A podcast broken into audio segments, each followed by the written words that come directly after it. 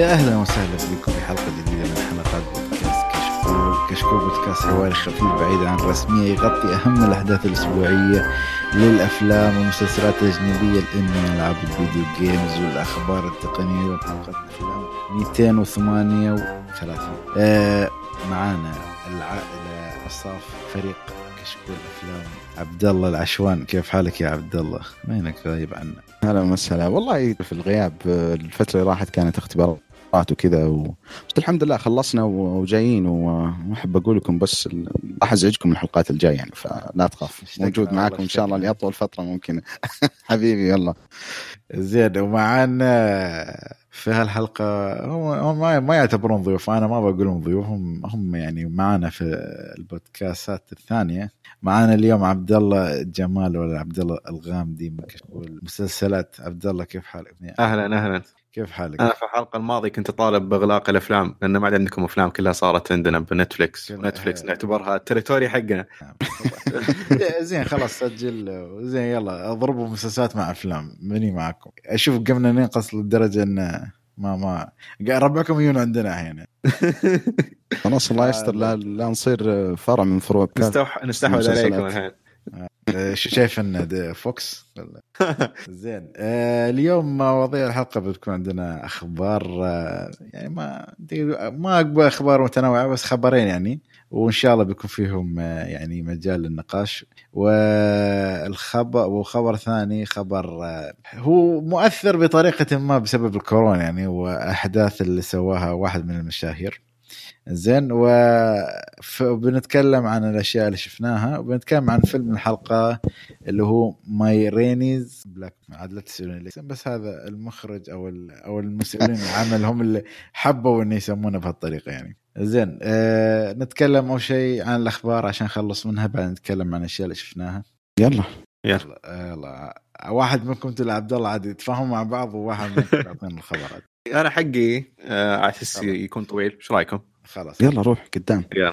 آه الخبر هو نوعا موضوع مو خبر.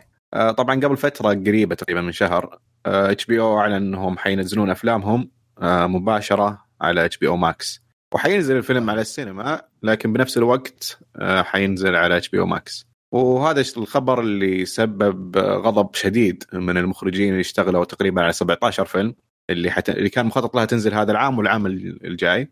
آه وكلها آه كل المخرجين يعني غضبوا وأبرزهم كان كريستوفر نولان اللي قال بتصريح له إنه ال 17 مخرج هذولي أو ال 17 صانع أفلام هذولي آه راحوا ينامون يحسبون إنهم يشتغلون لأك... لأك... لأكبر شركة أفلام وصحوا من النوم يشتغلون لأسوأ شركة streaming service آه وبعدين المخرج حق فيلم Dune اللي تأجل للسنة الجاية آه دينيس فيلان فيلانوف كتب مقالة طويلة هو كاتبها ينتقد فيها HBO وكيف إن بحركتهم هذه آه فقدوا ثقة صناع الأفلام والحركة ممكن تدمر آه للأفلام بحد تعبير أنها ممكن تدمر الأفلام ومستقبل الأفلام. آه فمثلا قال إنه آه شركة اي تي ان تي هي المالكة ل Warner Brothers قال إنه هذه التصرفات كلها نابعة من فشل اي تي ان تي والديون المتراكم عليها اللي هو قال إنها وصلت 150 بليون. فعشان يزيدون مداخيلهم فيركزون على ال HBO Max فعشان كذا صاروا ينزلون أفلام عليها إنه بتزيد الاشتراكات. آه وقال إنه هذا الشيء بيأثر على الأفلام لأنه حط فيلمه آه على سبيل المثال لما قال إنه Dune يعتبر من أكثر الأفلام اللي وأكبر الافلام هو هو شخصيا اشتغل عليها. وكان يفكر إنه ممكن يكون franchise يعني بيكون في أكثر من جزء أكثر من أكثر من فيلم مو بشرط إنه نفس الجزء أو sequel وقال إنه بسبب الحركة هذه إنه صار على streaming service فمداخيله من السينما ومن streaming service ما بتكون كفاية إنهم ينتجون فيلم ثاني بنفس المستوى. فعشان كذا إنه مستحيل إنه يقدر يغطي التكاليف لفيلم آخر من نفس العالم. فوش رأيكم أنتم؟ إحنا يعني كم... كمشاهدين من ناحيه والله شوف يعني زي ما قلت من وجهة نظرنا إحنا مشاهدين بحت يعني مو مو من جانب اقتصادي ولا ربح للشركات هذه قبل ما تبدأ. أنا بفهم نقطة واحدة بس قبل أحيانا المخرجين هذيل أو صناع المحتوى أحيانا هم أعطوا الشركة ورنا براذر على أساس يوزعون ولا هم المنتجين ولا ولا كيف يعني؟ فأعتقد إنه ورنر براذرز هي منتجة الأفلام ويمكن بعضها هي كانت الموزع. لكن بعضها هي أكيد المنتجه مثل دون هي أكيد المنتجه. زين الحين المخرج شوف خلينا نرجع على, على كلام عبد الله بعدين اي بس آه، يعني نتكلم من وجهة نظرنا إحنا كمشاهدين بحت يعني الشيء هذا راح يضر بشكل جدا كبير بالنسبة للتجربة السينمائية الأفلام هذه. خاصة تتكلم عن أفلام المخرجين الكبار يعني. حتى ترى الفيلم هذا يشمل تنت كريستوفر نولان. الفيلم ما طول ترى في السينما. يعني إحنا متعودين الأفلام اللي بالضخامة هذه يعني ارجع شوف أفلام كريستوفر نولان اللي كانت يعني أفلام أكشنية كذا أفلام ال box office أكثر من أفلامه الثانية اللي اللي يعني زي Memento وغيره. كانت تجلس فترة طويلة طويلة جدا في السينما. آه، لكن على عكس Tenet ما طول ترى في السينما وبالعكس كان يعتبر ال flop بالنسبة لهم حتى لانهم سحبوه وما أدري هل حطوه الآن في في في HBO Max أو أو راح يركزون على البلوراي بالنسبة له. لكن لما تشوف أفلام مرتقبة والناس مرة متحمسين لها المخرج كبير زي دينيس فيلنوف يعني طلع لنا أفلام أسطورية.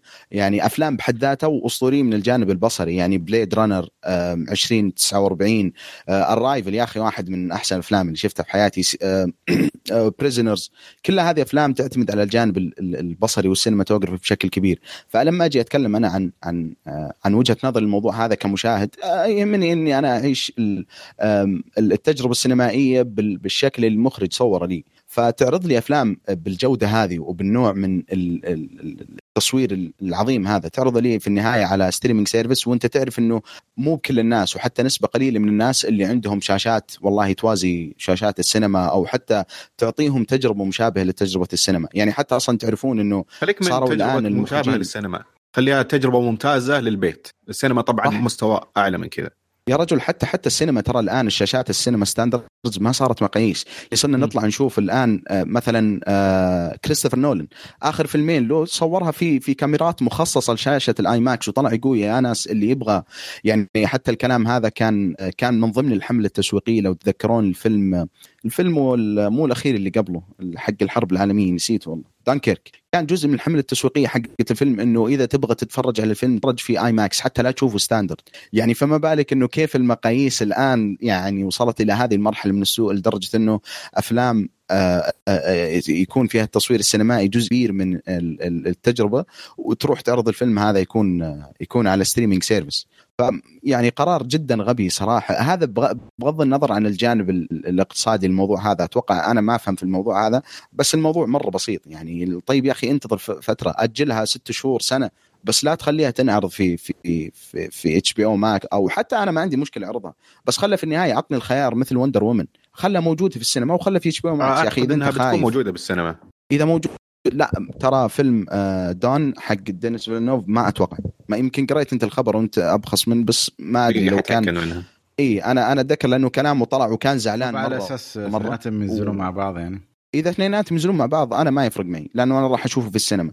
لكن لو كان موجه بالدرجة الأولى ال streaming service حقتهم هذه وراح يخلون الأفلام الكبيرة هذه كبش فدا لأن ال streaming service حقتهم تنجح فأنا أشوفه قرار مرة غبي صراحة. فوش كان رأيك خالد؟ وش كنت حاب تقول؟ يعني نحن ما نعيش كيف أقول لك تعرف الفترة الصعبة يعني حتى يعني مو بعلى في السينما على كل حد. ف ما أدري أحس كان كان لازم حد يتخذ قرار جريء يعني. بغض النظر عن إذا عجبهم أو لا يعني يعني؟ كنا تكلمنا قبل يعني على قصة Wonder Woman يعني وإنه بينزل بينزل الفيلم مع ال stream service نفس اليوم بس بعدين الصدمة لما قالوا إن كل الأفلام بتنزل مرة واحدة في سنة 2021 مع بعض فأنا ما أعرف هل مستقبلا بتكون بعد نفس السياسة أو لا ممكن بس عشان الوضع الحالي ومثل ما أقول لك اللي يسمونها كيف أقول لك؟ الاختيارات أو الاجراءات احترازية. الاختيارات القاسية هاي انه لازم تجبرك انك تسوي أي أمر ممكن يقلل عليك خسائر حتى لو كان هذا يعني بيضيع عليك ملايين في المستقبل يعني. يعني ما تعرف أنت هالست شهور وإذا أجل شو الخساره اللي ممكن يتكبدها عرفت كيف؟ أنت تشوفها بهالمنطلق أنا فاهم إن الناس تبغى تحب السينما تحب تحب تشوف أفلام في السينما والأشياء بس يعني في النهاية هم بيشوفونها في السينما يعني. عندك عندك بس بالتأكيد هو حتنزل بالسينما وبنفس اليوم حتنزل ال streaming service. فبس أنا آه okay يعني الناس بس الناس يعني بتخاف يعني. يعني كيف بس تسمح لي خالد حتى. ترى هذا أنا شبهته في Wonder Woman Wonder Woman كان مختلف شوي لأنه أول أسبوعين أو أول أسبوع من ال- ال- العرض نزل في السينما حصريا يعني للسينما. والله شوف حتى صرنا نقول حصريا للسينما يعني كأنه شيء غريب. بس نزل أول أسبوع في السينما بعدين حطوه في HBO Max فلو كان فعلا راح ينزلون ال- العملين في نفس الوقت يعني في, HBO Max والسينما فأنا أشوف بالعكس. يعني حاليا تقريبا ولا؟ يعني في الوطن العربي ما هالكلام يكون. أوه، okay صح مو موجود عندنا بس الواحد يقدر يوصل لها بسهولة يعني. يعني لا بس هي لما تنزل حتى أوروبا. service بتصير مقرصنة وبتلقاها بكل مكان. صح فحتى صار أول إنه كنا ننتظر نقول أوه أنتظر لحد ما ينزل بلوراي لا خلاص ما يحتاج. يعني عندك ال- أي ثلاث شهور جودة السينما نفسها. الصينيه المهم إيه، تايلانديه والله كانت ذكريات هذه مع مع مان في سوبرمان وفي النهايه طلع. المهم. هو يعني ممكن أكبر آه، طرف بيتأثر هو المنتجين. منتجين الأفلام والمخرجين نفسهم اللي ما بيقدرون يسوون الافلام نفس المستوى يسوونها حاليا. لأنه أكيد إيراداتهم بتقل بشكل مرة كبير. يعني أنا صراحة يعني عن نفسي ما بروح للسينما إلا الفيلم زي دون يعني ممكن من ال 17 فيلم صراحة ما أدري إيش هم يعني ما ما عرفتهم. لكن من ال 17 فيلم يمكن أروح لثلاثة أو أربعة خلينا نفرض مثلا. لأنه لما أروح السينما أبي تجربة آه، مرة بتفرق من لما أشوفه في البيت لما أشوفه بالسينما. فيلم زي دون فيلم زي تننت مع إنه ما عجبني لكن متأكد لو شفته في البيت بيكون أسوأ بكثير. بس عشان بالسينما كان في أشياء عجبتني. فأشياء زي كذا هي اللي تخليني أروح السينما. بس مثلا فيلم زي Tom and Jerry. مستحيل أروح السينما أدفع له. هو واحد من الأفلام اللي تكون آه، 21 okay. يعني ما فيعني أش- في بر- برضو مثلا فيلم Godzilla؟ versus King Kong هذه أفلام أحس بالسينما بتطلع ممتعة. في البيت بيطلع سيء. لأنه فيلم أكشن. تبغى. مؤثرات السينمائية وت- اللي مرة بتعيشها بالسينما. والله حرام يا أخي تصدق الفيلم هذا. مع إنه يعني أنا Kong و Godzilla ما في أي شيء يعني يربطني مع الشخصيتين هذولي. حتى الفيلم King Kong اللي كان آه، قبل في 15 سنة ذكر آه، okay لا. إيه لا لا مو مو الأخير مو حق بري لارسن اللي قبله. يعني مرة ما ما اللي تربطني كان طويل مع أربع الشخصيتين ساعات هذا. هذا. أيوه بالضبط. اللي كان ينعرض على MBC 2 في اليوم خمس مرات. اللي كان في جاك بلاك و أيوه بالضبط. آم، يعني ما ما يربطني أي شيء مع كونغ وجودزيلا بس لما شفت صراحة فيلم جودزيلا السنة اللي راحت وكان واللي قبله في السينما وشفته في جودة ممتازة وفي IMAX مرة استمتعت مع إنه الفيلم يعني خربوطي بالكبير. يعني حتى أنا ما شفت الجزء الأول حقه. يعني داخل أبغى. تجربة بصرية كذا اكشنيه مع البوب كورن وكان مرة ممتاز مرة ممتاز من ذا الناحية. ومن ذاك الوقت كانوا معلنين إنه حق في Kong versus Godzilla وكنت صراحة متحمس أبغى أشوفه في السينما. فحرام حرام والله. ال- اللي عاش تجربة جودزيلا ال- ال- الجزء الماضي أو اللي قبله في السينما راح يعرف إنه يعني هي أفلام جدا سيئة ولكن مع التجربة السينمائية يعني تنقلك إلى يهون عليك الوضع. إي إي يا أخي ما أدري اتذكر خالد تكلمنا إنه كان تجربة سينمائية كان مرة ممتاز الفيلم بصريا وأكشن ويعني تشوف كذا. جودزيلا كان رهيب بس حرام حرام والله هذا يعني ينعرض لو لدرجة إن جودزيلا كان يعني كيف لما يطلع في الشاشة أبرك من الممثلين نفسه. والله العظيم بالضبط يعني حرام حرام والله. بس فيلم Tom Jerry يا أخي هذا اللي من جد لا بس أنا أقول لك يعني أنا قلت لك الوضع يعني صعب جدا. يعني أنت لا قلت لك يعني شو بتسوي؟ يعني أوكي بنا... قول ما بنزل يمكن هم صارفين ك... شوف يمكن هم صارفين يعني ميزانية وقدرها في ال streaming service هذا. ف فلازم يكون في محتوى ممكن يجذب لك الجمهور. وهي حركة يعني خاصة في وقت الكورونا. مفيدة لك يعني بس ممكن أوكي بس ممكن تأجلها يعني بدل ما تنزل بنفس الوقت خليها شهرين ثلاث شهور. لا شهر واحد حتى يمكن عادي بلا بكثير يعني عرفت كيف؟ يعني هذا maximum بس يمكن عشان الفيلم ياخذ وقت إنه يربح يجمع أرباح. إيه بس الحين أشوف يعني مثلا لما تشوف ال box office ال- الامريكي وهذا الفيلم الواحد كم يجيب ترى؟ 800 ألف. إذا كان شاطر مرة أوكي تاني تخلى على جنب. يعني مثلا إذا كان شاطر big يعني لدرجة إني لما أشوف ال box office الحين أشوف rerun حق أفلام قديمة تجي- تجيب مليون مليونين عرفت كيف؟ لدرجة. لهالدرجة ما في أفلام عرفت كيف؟ السينما. فأنت أصلا بتفتحها وكيف تحطها في السينما؟ منو بيروح لك أصلا؟ أوكي واحد بيشوف Dune يعني يعني تشوف أنا أقول لك أنا أشوف الصراحة ال- ال movie geek هذا اللي ممكن صدق يعني يقول لك أوكي أنا بخصص من وقتي خاصه في الأوقات العصيبة إني بس أشوف فيلم وفيلم يكون مثل ما أقول يسوى يعني. بس مع الفترة هذه إنه يعني على الكلام اللي طلع إنه بالخريف السنة الجاية حيكون الوضع انتهى يعني ورجعنا حياه طبيعية إن شاء الله. إن شاء الله. ان شاء الله يطلع لك كوفيد 20 ما شو 21 أيوه بالضبط هو 20 جاء وخلص. يجيك ال 21 الله يستر بس. فما أدري أحس يعني أنا مع الشركة الصراحه في الحركة بصراحه يعني. والله شوف هي يعني أنا أنا أشوف إنه إنه ال- ال- ال- الأفلام الكبيرة اللي بتنزل فتره جاية يعني راح تكبش فدا لأنهم يسوقون ويضخمون ال streaming service حقتهم. صح. آه، يعني حرام والله يا أخي. يعني فيلم زي Dune هذا كنت مرة متحمس له. ال cast مرة رهيب و... وتشوف ال trailer واضح إنه بصريا الفيلم راح يكون تحفة يعني. ممكن حتى يغطي أنا على Blade Runner يعني. أنا أنا حقيقة يعني دينيس فيلانوف أفلامه مو مرة يعني يعني مو زي ما تقول كوينتن ترنتينو بالنسبة لي أو سكورسيزي بس بصريا دائما دائما ما يكون خلاب. آه وحرام حرام والله. هذا هذا ينعرض في نفس الوقت مع في, في السينما ينعرض في streaming service بحيث إنه كثير من الناس اللي أهم شيء بالنسبة له إنه يشوف الفيلم. مو شرط يعيش التجربة الكاملة أو بالنسبة له هو التجربة الكاملة حقته ما عنده مشكلة يعيشها من من من لابتوب أو من من تلفزيون في البيت. إنه حرام آه، آه، ينحرم إنه ما يشوفه في السينما. يعني. بس عموما مريت على شوي. 17 فيلم ذولي صراحة الأسماء جدا كبيرة.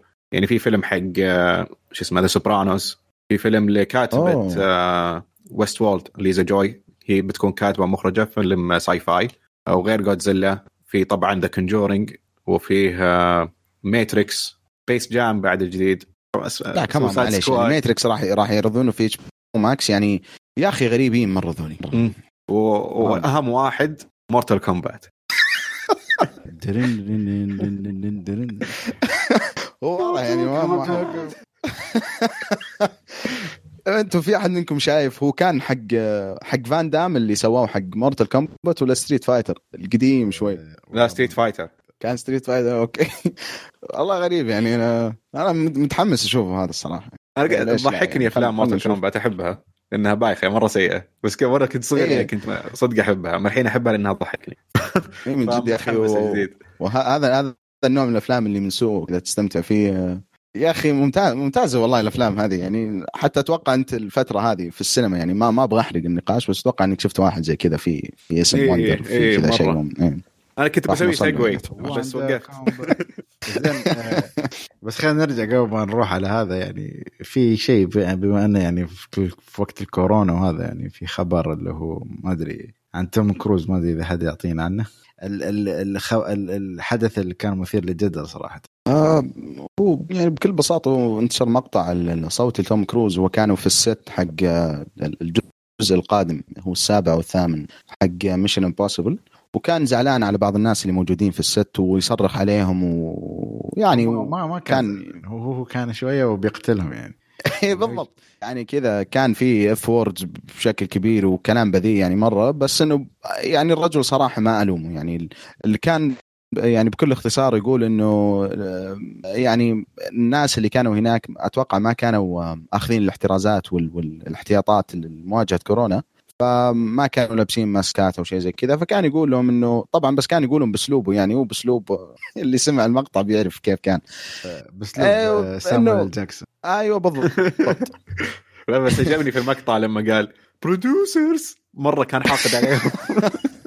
يعني من جد حرام. يعني ما بالك الأشياء هذه الأشياء هذه تصير في في set فيلم ميزانيته قد يعني تنافس ميزانيات دول أو حتى وزارات يعني بمئات الملايين. يعني الشيء ال- ال- توم كروز. فما بالك وش وش ال ال ال الأفلام وال- والأشياء ال- ال- اللي تصير في ال sets حقت الأفلام الثانية أفلام ال indies أو حتى مو شرط ال indies الأفلام اللي أقل من كذا. يعني لو صارت فيه تجاوزات من بعض الناس. فهذا يوريك إنه من جد يعني ليش إحنا جالسين نشوف يعني الصناعة الفترة هذه وضعها من سيء لأسوأ يعني اي من فترة طويلة بس ما يعني تزامنا مع كورونا. تحس كورونا هي اللي جت وقسمت ظهر البعير يعني حتى شوي قاعدين نتكلم عن الخبر حق أفلام ال HB Max وكذا. بس يا أخي أنا الشيء اللي اللي مستحيل أتفهمه يعني بخصوص توم كروز الناس اللي زعلانين عليه.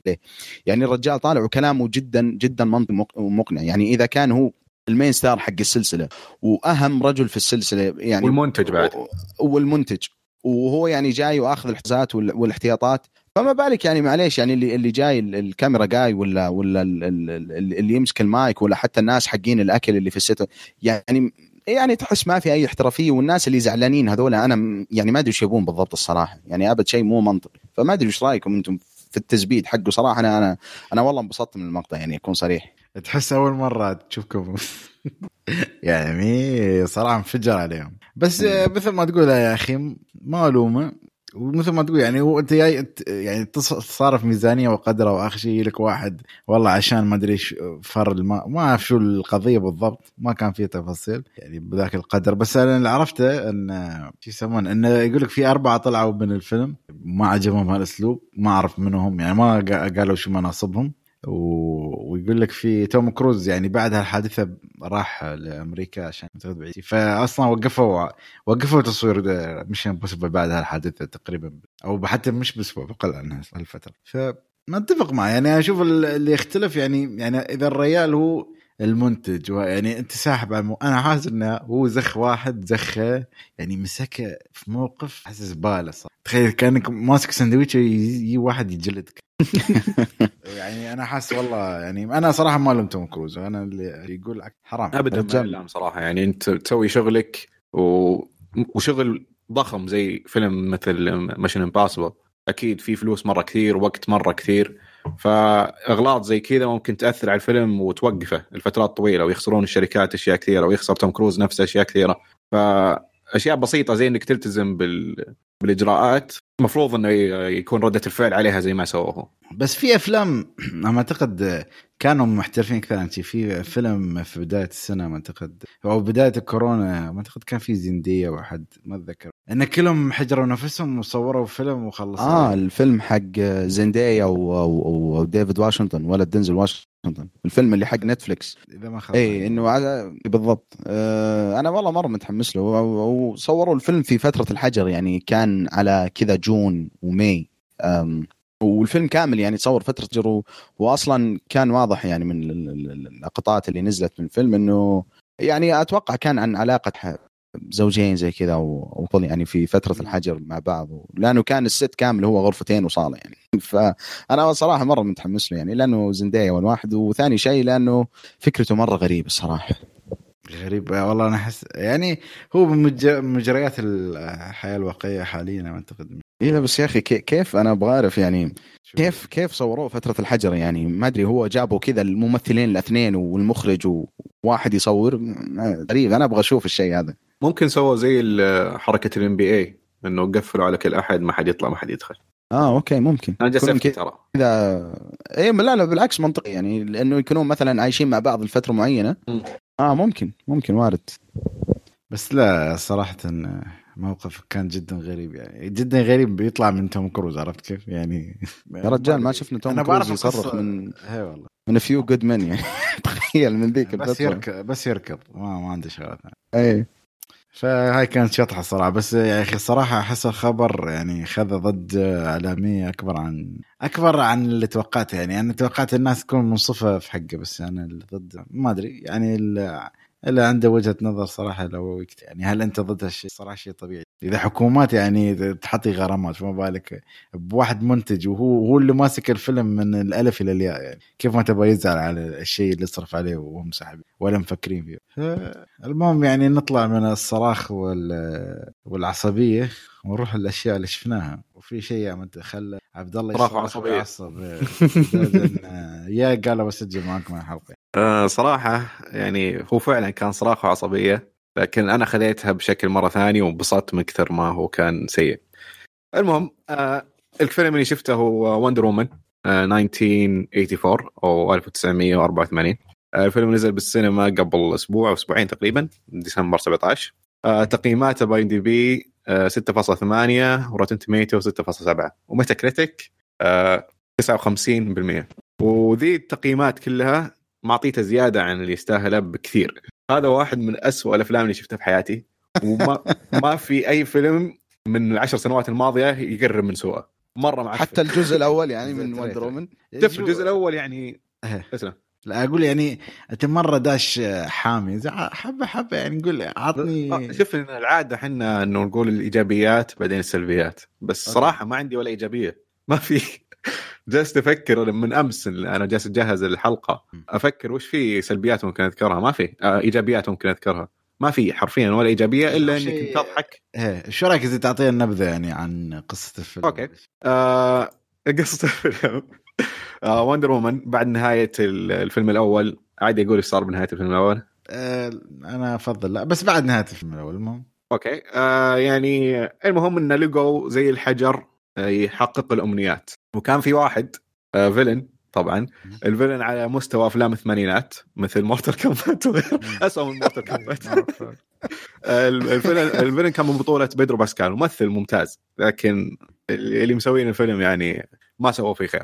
المهم إنه يبغى الحجر هذا عشان يحقق أمنياته إنه يصير آه، رجل أعمال ناجح وغني. بس ها يعني ها هذا يعني ها بدون حرق يعني. بدون حرق. بدون قصة. أوكي. يا أبوي. هذا هذا الأمنيات حقات علادن أكثر من أكثر من كذا. وش اللي يصير رجل أعمال؟ يا أخي خليك مليونير لا هو رجل. أعمال already لكنه رجل أعمال فاشل. يبي يصير ناجح. آه أوكي. آه المهم إنه الفيلم مكتوب من ثلاثة أشخاص وهذه أول دلالة عن الفيلم آه، قص لصق. آه ومن إخراج باتي جينكنز. على طاري الفيلم الأول هي برضو كانت مخرجة الفيلم الأول. الفيلم الأول يعني ما كان حلو بس ما كان سيء. يعني كان يمشي الحال. عادي. ولا إيش رأيكم؟ أنا بالنسبة لي الفيلم الأول أنا شفته بفترة يعني بعد ما نزل لأني مرة ما كنت متحمس له الصراحه وشخصية Wonder Woman يعني بحد ذاتها أنا ما تجوز لي مرة يعني لأن الشخصية أحسها مرة قوية وما تحسها حتى شخصية يعني تقدر تتعاطف معها أو يعني عن مثلا على عكس سوبرمان يعني سوبرمان مع إنه شخصية برضو ترى نتكلم عن سوبرمان كشخصية بحد ذاته شخصية يعني ما هي مرة قوية يعني على عكس باتمان ما ما عنده نقاط ضعفه ونقاط قوته أو هو مرة يعني قوي إلا لما يواجه كذا شيء أخضر ينفع غير كذا هو يعني فعليا يعني من ناحية خارق يعني. من ناحية خطر على شخصيته ما في خطر صح. لكن هو خطره يعني أو المعاناة حقته تكون معاناة إنه يلقى أحد يرتبط معه الناس تفهمه وما تشوفه كأنه إله وما أدري إيش ففي صحيح. شوية تعاطف معه لكن Wonder Woman يعني هي عايشة في جزيرة لحالها وهي الملكة حقتهم وهي أقوى واحد من يعني معهم صح. وهي يعني literally يعني يعني she's god يعني مو سوبرمان يقولوا لا يعني هي في العالم حقهم يعني she's يعني إنه أي. ف اما تطلع كذا العالم ال- الخارجي يعني برا الأمازون تروح كذا وتفقع وجيه الرجال الشريرين هذول بس وخلاص يعني ما في حتى ما يعني ما عندها نقطة ضعف يعني حتى ما له جانب إنساني أقدر اتعاطف معه. حتى بالجزء الأول يعني والشهادة لا يعني كان في جانب جميل إنه وهذا الشيء راح ينجح فقط الجزء الأول لأنها مع- مو معاناتها بس شوف على فكرة إنه آه، بس تسمح لي انه وشلون وشلون الصديقة كذا إنه يحاول يقدمه للعالم ويطور اللي موجود في العالم وكيف انها تستغرب كذا. يعني حتى أتذكر واحد من المشاهد في الجزء الأول كان مشهد زبال بس فكرته مرة ممتازة. إنه كيف أول مرة لما شافت الآيس كريم وكيف كيف أنتم تحطون كذا حليب مع سكر وبارد وتأكلون آيس كريم؟ فإنه كيف إن أول مرة تشوف العالم حقنا وتعيش وتجرب الشعور إنه كيف الواحد يكون زينا. كانت الفكرة رهيبة بس التطبيق مرة مخيس. لكن حتى في الجزء الثاني هذا الشيء ما تقدر تطبق وشخصية مره مرة قوية وما لها نقاط ضعف وأشوف إنه شخصية فصعب صعب تتعاطف معه. مع هذا أنا الجزء الأول لما شفت المشاكل اللي ذكرتها هذه كان في بعض الجوانب يعني حلو يعني زي الأكشن كان جميل. باستثناء المشاهد اللي كان فيها slow motion يعني اللي هي أغلب المشاهد أصلا. كان مطبق slow motion بشكل ممتاز ولكن أنا مشكلتي مع slow motion هو بحد ذاته. يعني خلاص إحنا يعني مو The Matrix يعني حتى The Matrix لما أرجع أشوف ال slow motion حقه يكون حلو لأنه The Matrix ولأنه أنا عارف إنه والله هذول جالسين يعيشون بمصفوفه وهو الآن كذا جالس يعني زي ما تقول يخترق ال- النظام و... لكن لما تجي في العالم حقنا وإنها هي يعني من من قوة الشخصية حقتها نشوف المشاهد حقتها في slow motion كان بالنسبة لي شيء مو مرة ممتاز. يعني بكل اختصار الجزء الأول حق الجزء الأول حق Wonder Woman بالنسبة لي ما كان مرة رهيب وكنت متوقع صراحة العفن هذا من ال- الجزء الثاني يعني. لا صدقني أكثر مما تتوقع. مراحل كثيرة. أنا ترى أنا ترى مع الكلام هذا كل مالي اتحمس أشوف الجزء الثاني يعني أبغى أشوف إلى أي مرحلة وصلوا من ال... ال... شوف هو الوضع ممكن يعني. تناظر سوء المسا... الفيلم هذا من نواحي مختلفة. آه، أول شيء عندك من ناحية ال- القصة نفسها ساذجة. ال- الشخصيات حرفيا جايبينهم من آه، أفلام الثمانينات وحاطينهم هنا. وعندي تعليق زيادة وهو تعليقي الأهم عن الفيلم بس بذكره بعدين. آه، أول شيء بتلاحظه بالفيلم إن الأكشن والاخراج مشاهد الأكشن جدا ضعيف بمستوى مسلسلات CW The Flash و Arrow يا ساتر. مو جالس أبالغ. إلا بلحظات معينة إنه يفرق. مثلا في واحدة من اللقطات اللي ممكن طلعت بال trailer Wonder Woman كانت تركض ومسوين zoom عليها مسوين zoom عليها كنا فلاش وهو يركض في بداية الحلقة. مرة يا أخي المشهد هذاك مرة. مره مرة زبال. زبال لدرجه إنه رهيب. أنا والله يمكن أنا رجعت شفته ثلاث أربع مرات آه، كذا في تويتر. كان رهيب رهيب. يعني آه، يعني غريب المشهد ومضحك. وصراحة يمكن من أسوأ المشاهد اللي شفتها في في أفلام ال superhero يعني كلها. شوف هذه الأشياء كنت مستمتع فيها. من كثر ما هي سيئة كنت مرة مبسوط. كنت أضحك. بال- بالسينما كنت جالس أضحك حرفيا. إنه مو طبيعي إنه فيلم بذي الميزانيه وبذا المستوى إنه يكون فيلم آه، DC بسنة 2020 الوحيدة الوحيد ويكون مستواه كذا. آه، يستمر الفيلم بالسوء. لما يعطيك الفيلن آه، بوجه واحد إنه بس يبي يصير رجل أعمال كبير و وطريقة كتابته تعرف آه، الفيلنز في أو شخصيات الناس الأشرار في الأفلام الثمانينات الأفلام القديمة اللي أبي يسيطر على العالم أبي يقعد يصارخ كذا ويكلم نفسه كثير. حرفيا هذه كانت أيوه. شخصية بيدرو باسكال. مسكين طيب. بيدرو باسكال. أنا أحب الممثل. كنت مرة من متحمس إني أشوف بيدرو باسكال. آه لكن صراحة يعني معطينا دور. مستحيل أي ممثل في- في الحياة كلها يمثله بشكل زين. مستحيل. فهو جالس يبالغ في كل كلمه يقولها ويصارخ بكل كلمه يقولها ويحرك يده بأشياء غريبة عشان يطلع الشخصية الزبالة اللي كاتبينها هم. يعني آه، تقول إن طيب، هذا إذا- هو إذا أحسن لو- ال- السيء. لا هو هو زادها سوء ترى على فكره يعني اداءه كان مرة سيء. يعني زيادة على على سوء كتابة الشخصية هو كان مرة أس- اسوء وصار ممتع يعني صار يضحك. في واحدة من اللقطات هو الكلايماكس حق الفيلم آه يعني كان من نهاية الفيلم وكان يعني المشهد المهم اللي فيه تغيير كبير. أنا صراحة ما قدرت أمسك نفسي. فطس ضحك. يعني ما ما قدرت أمسك نفسي ابدا. أضحك بالسينما واللي جنبي كلهم جالسين ينظروني. وش فيه يضحك. الفيلم مرة سيء. المشهد ذا سيء بكل كل الجوانب. لا من إخراج لا من كتابة لا من تمثيل. ما في ما في ولا شيء كويس. آه بس خلينا نرجع عموما التمثيل. آه قال قدوت طبعا ما تعرف تعبر. آه لما تصيح كان ما في سب أقدر أقولها ما أعرف. مرة سيئة ما تعرف تمثل ابدا. آه مستواها ما يتعدى مستويات آه آه، ممثلين السوب أوبرا حقت أمريكا شو يسمونها؟ شو اسمه المسلسل ذاك الطويل؟ ال- المسلسل اللي جاء عندنا ال soap opera ال- إي مستواها؟ الميراث وهذه الأشياء. لا. يعني إي الميراث بالضبط. مرة سيئة الممثلة. آه Kristen Wiig. صراحة ممثلة يعني جيدة. هي ممكن تعتبر ثاني أفضل ممثلة هنا. صح إن شخصيتها كانت مرة stereotype و... ومتوقعة من أول لحظة تطلع بالشاشة لكن الممثله يعني ما كانت سيئة بسوء الباقيين آه لكن عندي مشكلة بشخصيتها. آه مثلا هي معروف إن شخصيتها كانت تشيتا وعشان يوفرون ميزانية ما خلوا تشيتا تصير تشيتا إلا بنهايه الفيلم عشان ما تطلع طول الوقت بالسي جي حقها لأنه بيأثر يا كثير. ساتر. يعني الرخص للدرجة هذه؟ إيه والمشهد حقها ظلام مرة ما يمديك تشوف شيء. يا أخي والله. يعني يعني إحنا لما- لما- دمرت الفيلم وحرقته وولعت فيه بوتاغاز و... لا لسه باقي. صدقني باقي. بس أحس بس, بس إنه يا أخي بس- تعليقا على Kristen Wiig أنا أذكر لما تكلمنا هنا في البودكاست عن ال trailer حق Wonder Woman لما نزل. أنا يعني ذكرت إنه بالنسبة لي السبب الوحيد اللي يخليني أتحمس الفيلم صراحة ويج لأني أنا مرة تجوز لي الممثلة وأشوفه مرة دمه خفيف يعني وحتى أتوقع إنه دراميا لو كان أصلا دور تشيتا في الفيلم هذا فيه شيء من الدراما ممكن يعني يطمن يعني هي ابدا ما هي ما هي سيئة. فبس على وصفك هذا يعني إنه حتى حتى يمكن السبب المنطقي الوحيد يعني الجدي اللي يخليني أتفرج على الفيلم يعني ينعدم اللي هو كريستن ويج فما ما في سبب غير إني أشوف فيلم كذا سيء أضحك عليه. حرام حرام صراحة يعني كنت مرة متحمس للجزء هذا صراحة. يعني حرام إنك تشوف. ممثلة زي كريستن ويج هنا. أنا معك إني أشوفها ممثلة ممتازة. وزيادة على كذا كريس باين يعني هذه ما أدري صراحة أعلق عنها ولا ما أعلق لا يعني رأيك أحس لا لا ما بس يعني هو طلع بال trailer يعني. هو جاي بس يسوي هو موجود في ال trailer. يعني. okay ما بدون معلق عليها يعني هو كان ما هو سيء بس وجوده تفسيره سيء مرة آه، خله أنا أنا بعرف بس بس خله. يشوف الفيلم بيعرف بس يا أخي الحين اللي قاعد شوف هو أصلا شخصية Wonder Woman يعني إذا بتكلم شوي أنا بتكلم شوي بعيد عن الفيلم يعني. طبعا ما. شفت الفيلم بس يعني أصلا هي بدايتها كشخصية ترى جدا كانت غريبة. تابع يعني كيف أقول لك اصل الشخصية كيف اخترعت أو الكاتب أو الشخص اللي اخترع الشخصية. ترى في له فيلم يوصف لك حياته الغريبة اللي كيف حتى إنه هو اخترع الشخصية هذه يعني. فما أدري كيف أشرح لك إياها بس أحس أصلا وندر وومن مسوين شخصية عشان تلبي رغب- رغبات معينة يعني عند البعض.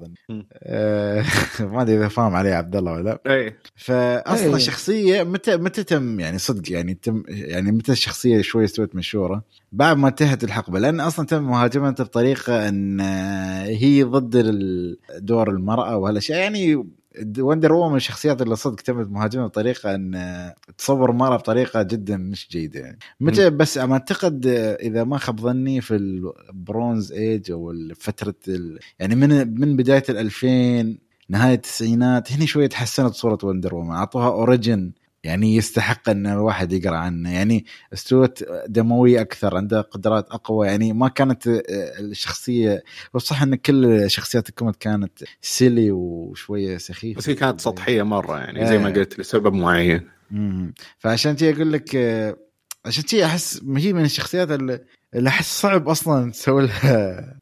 شوف فيه آه، ال comic اللي نزل لها brand New 52 كانت صراحة ممتازة. لا فيها يعني يعني حتى كشخصية كانت مرة ممتازة مم. يعني حتى ال origin ماله تغير استوت آه، مم. استو في واحدة من القصص اللي ما أعتقد آه، اللي حتى استوى لها rebirth ولا يعني مثل ما أقول لك إعادة صياغة كانت قصة إن كانت دموية أكثر يعني إن كيف أقول لك آه، إن ال- ال- النساء هذيل أصلا أنت تقول مثلا جزيرة كلها نساء زي كيف هم في جزيرة كلها كلها نساء هو حتى فسرها بطريقة إن كانت أي تفسير ما. ما في تفسير لا لا كانت وايد dark بالنسبة ل comic Wonder Woman اللي كان يعتبر آه. جدا فراهي على ايامه يعني طبعا اللي بيقرا ما ما بقول كيف طريقة بس هو في فيلم على طار يعني Wonder Woman كتاريخ فيه غير اللي ما يبي يقرأ comic يعني New 52 أنا صراحة أنصح فيه كان جدا ممتاز مم. بس في فيلم أعتقد نزل ب 2009 آه، فيلم Wonder Woman ال animation هذاك برضه كان ممتاز إذا قد شفته خالد ال- أي واحد شو اسمه؟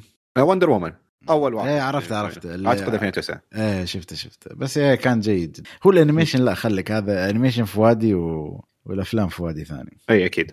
بس يعني صراحة من كلامك هذا الفيلم يعني مع إني كنت ما مش حاب الجزء الأول وايد بس أحس أحس إنك تقول إن هالجزء يعني إلى إلى قمة التاريخ يعني ما أعرف. آه لا في كوارث. لا بس كم تقييماته يعني؟ بالكوارث، عندك- عندي زيادة. بس يعني بس قبل ما تكمل كم تقييماته والاشياء يعني؟ لو عندك آه تقريبا آه تقييمه باين دي بي 6.8 وراتن توميتو آه 67 ميتا كريتيك آه 59 بالمية.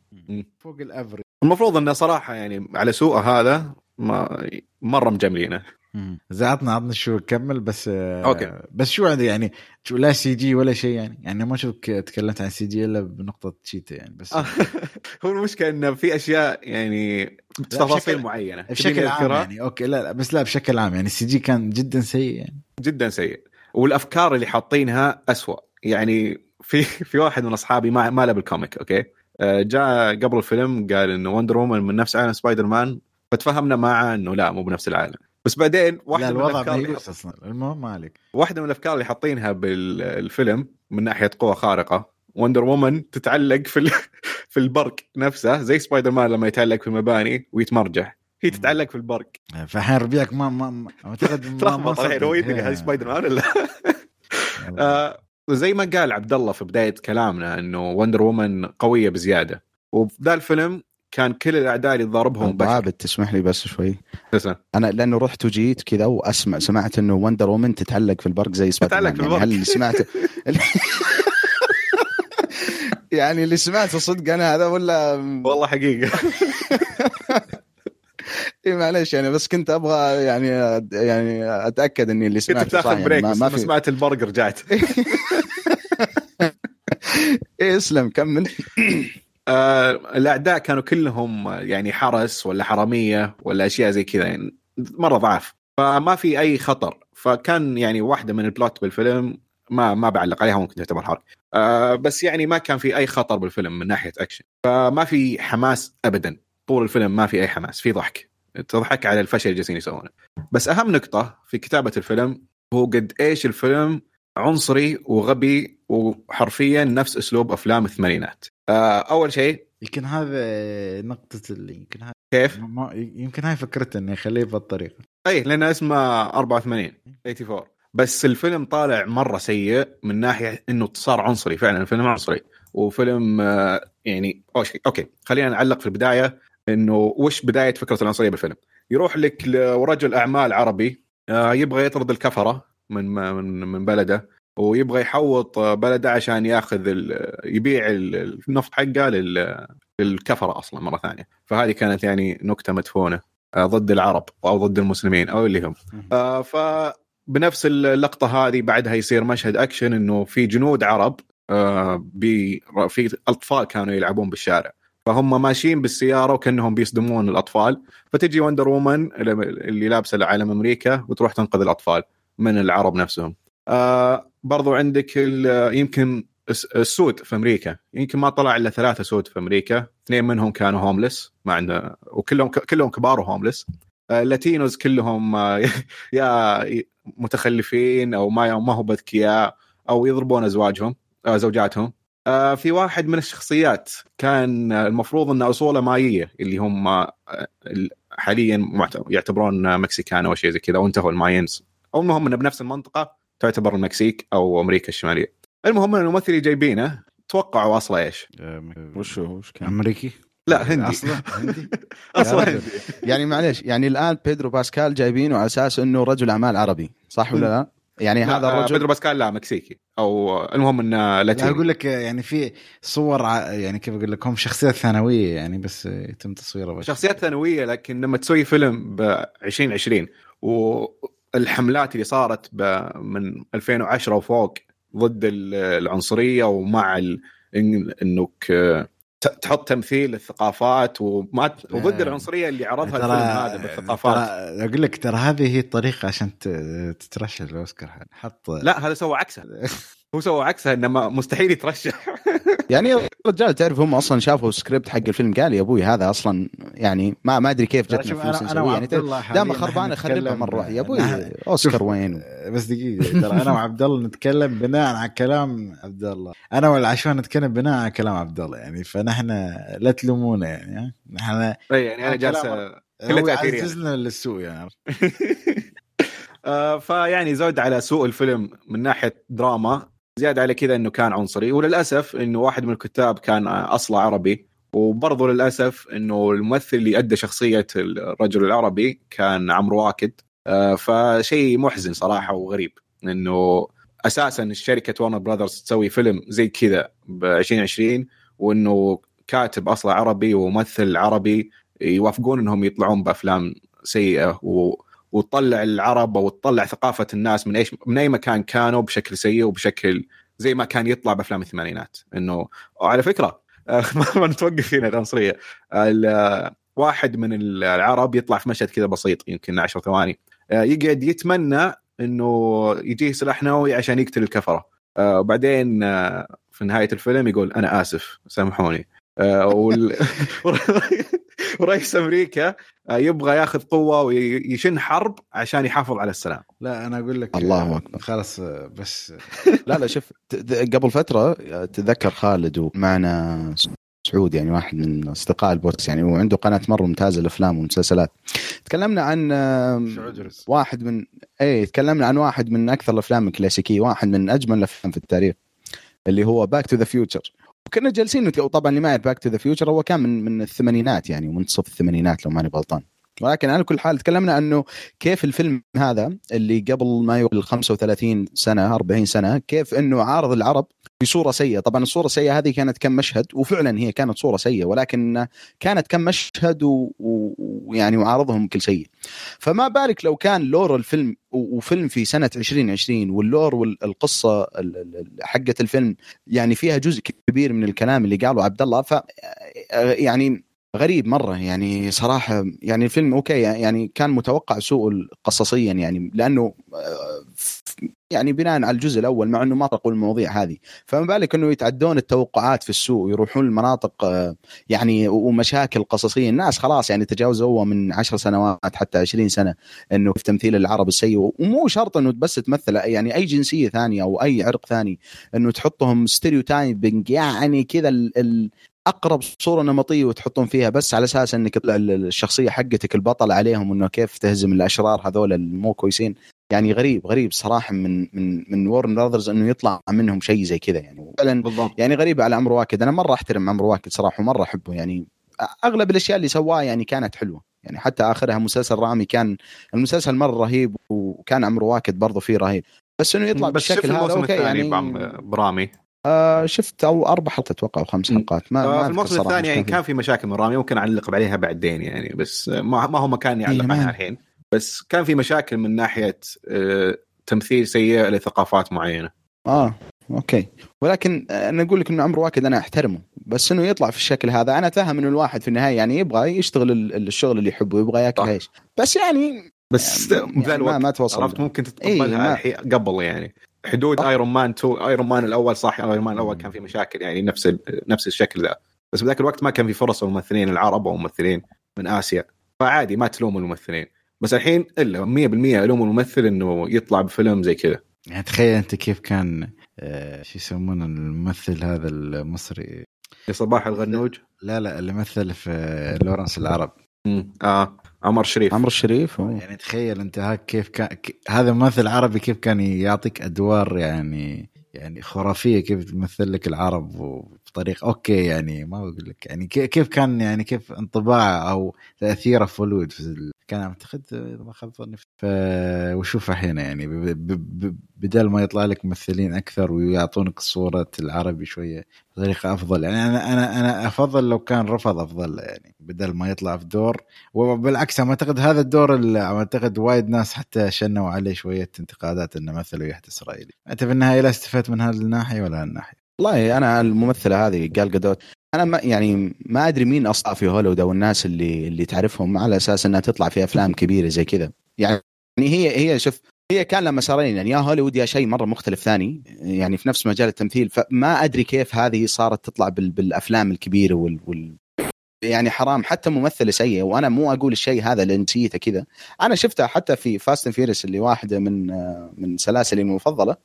كانت موجودة في Fast and Furious وكانت سيئة مرة سيئة إيه على مرة مرة سيء حتى على يعني. مستوى Fast and Furious إي يعني تخيل يعني إنه في إنه فيلم فيه فان ديزل وميشيل رودريغيز مع إنه والله كانت رهيبة ميشيل رودريغيز. يعني كويس في Lost كانت ممتازة بس حتى هناك كانت يعني جاية ما تمثل يعني جاية أي. جاية إنها آه، وناسة آه، إيه ان تكون سيئة بالمستوى هذاك فما بالك ان يعني في, في لما لما تقارن في ممثلين كبار يعني الممثلة هذه صراحة يعني الدنيا حظوظ يقولون. من جد يعني فعلا ما تستاهل ابدا إنها تكون ممثلة ما عندها ذرة قدرة تمثيل. في واحد من المشاهد يعني اللي كان المفروض إنها تطلع طاقتها التمثيلية وكان مشهد حتى ما يضحك. يعني تعرف المشاهد اللي كان إذا كانت سيئة تضحك هذا ما كان يضحك من كثر ما هو سيء. يعني ما أدري. أنا أنا أنا أبغى أشوف لو في أحد بعد الكلام هذا بعد كلامنا هذا لو يبغى يتفرج على الفيلم ومن جد يعني ما ما أقوله. لو يبغى يتفرج على الفيلم أبغى من جد أسمع رأي الناس. يعني أنا طبعا أثق برأي عبد الله تماما و... و... وبناء يعني على الجزء الأول اللي شفته مو مستغرب الكلام اللي يقوله بس أبغى أشوف رأي الناس فعلا وأبغى أسمع وجهات النظر مع إنه يعني الرأي العام عن الفيلم ما أدري لو تتفقون معي أو لا كان يعني إنه فيلم فيلم بهذا السوء يعني. كلام عبد الله ما كان مرة شاطح يعني عن الرأي العام. أحس ما ما شاء الله وندر في فيلم الحلقة مع إنه كان المفروض يكون بس يعني. للأسف يعني هو فيلم الحلقة يعني. وما أدري للأسف يا للحظ إنه ما شفت. إي والله محظوظين صراحة. أنا صراحة يعني يعني يعني شوف أنا النهاية فقدت اهتمامي بال superheroes تعرف عموماً. لو تعطينا أوف شو عيد عيد الكلام؟ آه، فقدت اهتمامي بال superheroes فابدا ما كنت. أشوفه. اي وهذا اللي واحد من الشباب اللي انشب لي إني أشوفه. ف... فعلى حظي جت بس يا أخي تصدق اليوم اليوم قريت تويتر يقول لك آه يتكلم عن عن Wonder Woman وإنه ال- ال- الردود الأفعال السيئة على الفيلم. والله ما أدري الكلام هذا صحيح أو لا بس إنه يقول لك الناس من كثر ما إنه ما صار لنا صار لنا فترة طويلة مرة ما شفنا أفلام superheroes والناس لما رجعوا يشوفون Wonder Woman هو فيلم سيء. بس الناس لما رجعوا يشوفون Wonder Woman ونسوا أصلا إنه أفلام ال superheroes ال- ال stand alone غالبا خلينا. نقول يعني إي ان إن ترى هذه هي يعني هذا هذا هذا المعيار حقه ولكن صح إنه Wonder Woman كان أسوأ من المعتاد بس إنه ترى هي مو بعيد عن الشيء هذا وأحسه فعلا كلام يعني ممكن فيه شوي من المنطقية مع إنه أنا من. الناس اللي يتفرج على الفيلم ال superheroes وما عندي مشكلة معه هو. شوية extreme شوية extreme لكن في منطق في السالفة إنه نفس النمط نفس النمط فعلا لكن في تفرق الشيء- بجودة بناء الشخصيات في الخطر بالفيلم نفسه في ال... ال... يعني قديش الش- الشخصية ممكن ت- تجازف إنه توصل لهدفها أو الخطر على إيش بالضبط. والناحية الثانية قديش الفيلم ممتع. آه هي الفيلم يعني شفته فشل بكل شيء. والفيلم اللي جاي في الطريق اللي أتوقع راح يعني ورينا إذا الكلام هذا من جد أو إنه كلام فاضي اللي هو فيلم الفيلم اللي تأجل فيلم Black Widow لأنه تقريبا نفس النمط يعني مو مرة بعيد آه، عن عن Wonder Woman فنشوف يعني ننتظر نشوف. مع إنه أنا كان من الأفلام اللي متحمس السنة هذه لكن للأسف هو تأجل السنة الجاي ف Wonder Woman يعني أنا أنا مرة متحمس صراحة شوي بعد الكلام هذا كله. أنا بت... منتظر Wonder Woman 2022 ما أدري إذا بينزلون جزء يعني مستقبل. زين ما أدري عبد الله عندك أي شيء تتكلم عنه؟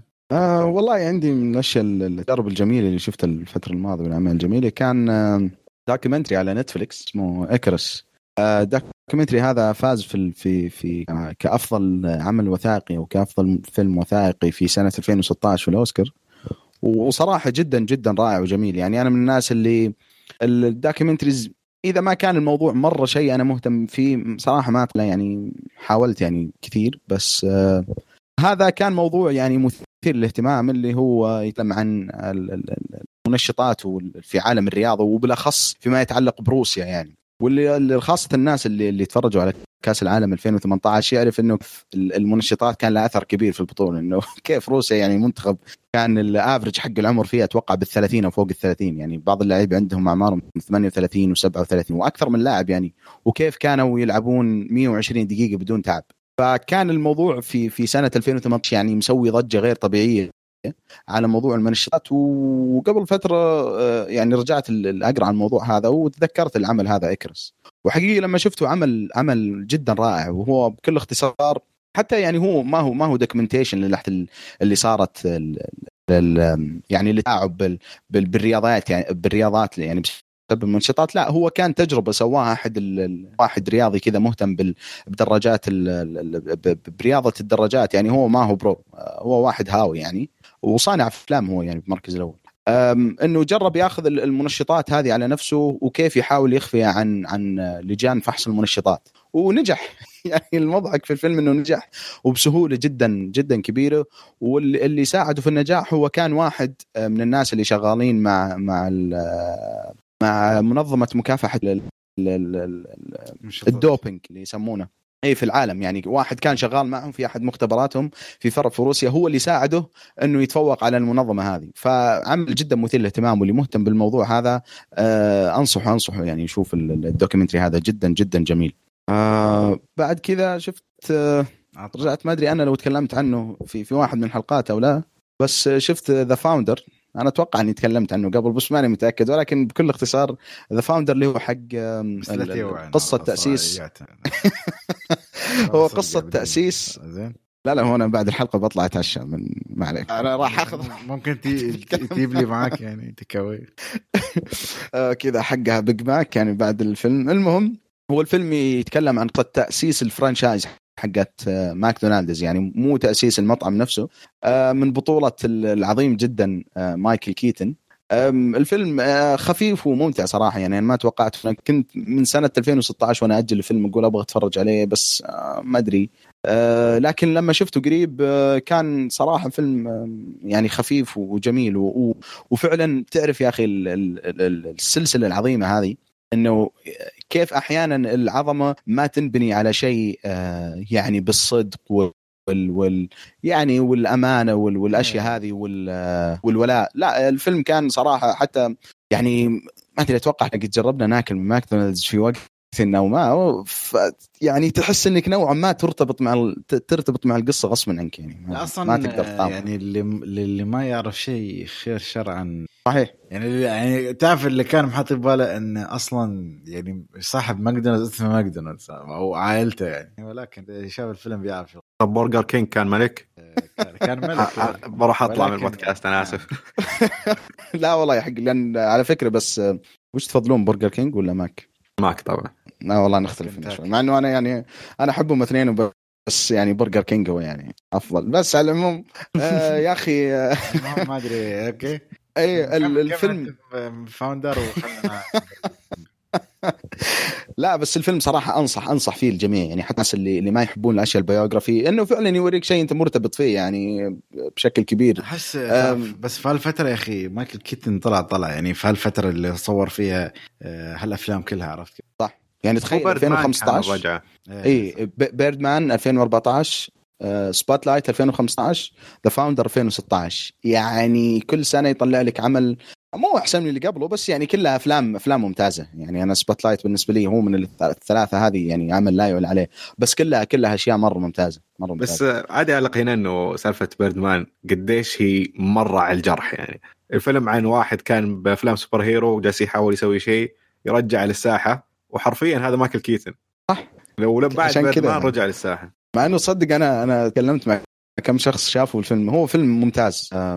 يعني أنا حقيقة أول مرة شفته ما ما جاز لي مرة لأنه آه ما كنت متوقع القصة هذه والأسلوب الطرح هذا يعني. لكن لما بعد فترة يعني لما لما يعني رجعت أشوفه مرة ثانية لا عجبني عجبني صراحة جدا جدا يعني تغيرت تجربتي مع الفيلم.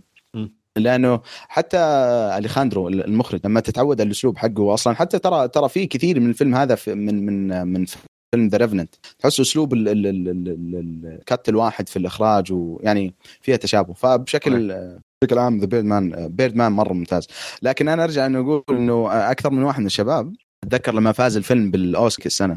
شافوا الفيلم لأنه كانوا يعتقدون إنه فعلا Birdman يعني كذا زي Superman Batman. وترى لو لو تشوف ال trailer حق الفيلم فعلا هم مشوا الضحكة هذه على الناس. يعني ال trailer حق الفيلم كان فيه مشاهد إنه شخصية مايكل كيتن يتحول كذا ال superhero وتحس إنه في وحش فوق يجي أو شيء زي كذا على شكل. ال bird. وما ما كان موضح اي اي ما كان موضح إنها آه، إنها تخيلات يعني أو أو شيء من الشخصية نفسها. كأنها يعني فعلا هذا شيء من القصة. واحد شاف الفيلم على أساس إنه فيلم superhero يعني منصدمة في الفيلم. فهذه من الأشياء اللي كانت المضحكة في الفيلم هذا. فأرجع أقول إنه The Founder من الأفلام اللي اللي أحس الناس لازم يشوفونه. يعني شيء شيء جدا جدا رائع. جدا جدا biography ممتاز. وفيلم يعني بشكل عام مو مو كتصنفه ك biography جدا برضه ممتاز. صراحة مستني هذا واحد من الأفلام اللي كنت مأجلها مع إني كنت متحمس للفيلم أول ما نزل. تاخذ لك وجبة من ماك. لا والله بس حتى ما اذا إيه. لين تكلمت عنه اليوم. لا لا أنا والله زيك. ترى أنا شفته قبل فترة مو طويله يعني. بس مايك بس والله يبي طقوس لازم Big Mac اي يعني حق لازم الطقوس يعني. هو على فكرة هو ماكدونالدز هم اللي اخترعوا ال nugget صح؟ ما أدري صراحة ما اتذكر ركزوا على هذه في الفيلم. آه، يمكن بالفيلم المهم إنه لازم Big Mac و nuggets عشان نشوف الفيلم إيه، يعني بس يظل يعني يظل مع إني أنا أعترف إنه برجر كينج أحسن من Big Mac لكن الناجتس حقت ماكدونالدز أفضل يعني مراحل لكن ما ما ذكروا هذا الشيء في عادي استمر خذها راحتك فقط طبخ ومطاعم فاست فود والله حقه كذا واحد من نسوي ريفيو يعني مسوي كشكول طبخ كشكول مطاعم. والله قدام. أنا ما أدري إذا من جد ولا لا بس قدام أنا فكرة مرة رهيبة. زين. آه صراحة بس ما أدري. أنا أنا أنا المشكلة الفترة الأخيرة أخي كلها قمت أشوف آه، أنميات بطريقة بس ما أدري يا أخي آه، في في أنمي يعني ما أعتقد. صح إني أفلام الصراحه والله ما شفت في الفترة الأخيرة. ولا أقول خليني ما أتكلم عنه. في مسلسل المصري شفته ما أعتقد كل حد شفته ولا ما شفته. شفته. شفته وأنا يعني استحي أقول أنا ما كملته الصراحة ليش؟ لأني أنا كنت متحمس صراحة المسلسل بس مو زي الناس لأنه أنا ما قريت الروايات ولا أعرف شيء عنه. يعني الكل يعرف إنه أعمال رعب. فلما نزل هو نزل أتوقع يوم الخميس أو الجمعة قبل شهر في نوفمبر نهاية الشهر. وكنت مرة متحمس حتى كنت طالع مع الشباب كذا واستأذنت يعني بكر رجعت أشوفه. الحلقة الأولى مرة يا أخي ممتازة من أجمل الحلقة الأولى اللي شفتها في حياتي. يعني مرة مرة ممتازة. أوكي شفت الحلقة الثانية؟ أبو رهيب إي لا لا بس بس الحلقة الثانية مختلفه عن الحلقة الأولى. يعني تحسها كذا صارت كأنها من ال ال ال يعني مع فارق التشبيه بس زي الأعمال الأمريكية حقت الشرطة وال FBI والمطافي والمستشفيات اللي كل حلقة كل حلقة جريمة وكل حلقة قصة. أوكي. لا شوف بعد رجعت يعني أشوف. إيه أي حلقة وقفت. بس حق وقفت صراحة عند الحلقة الثالثة.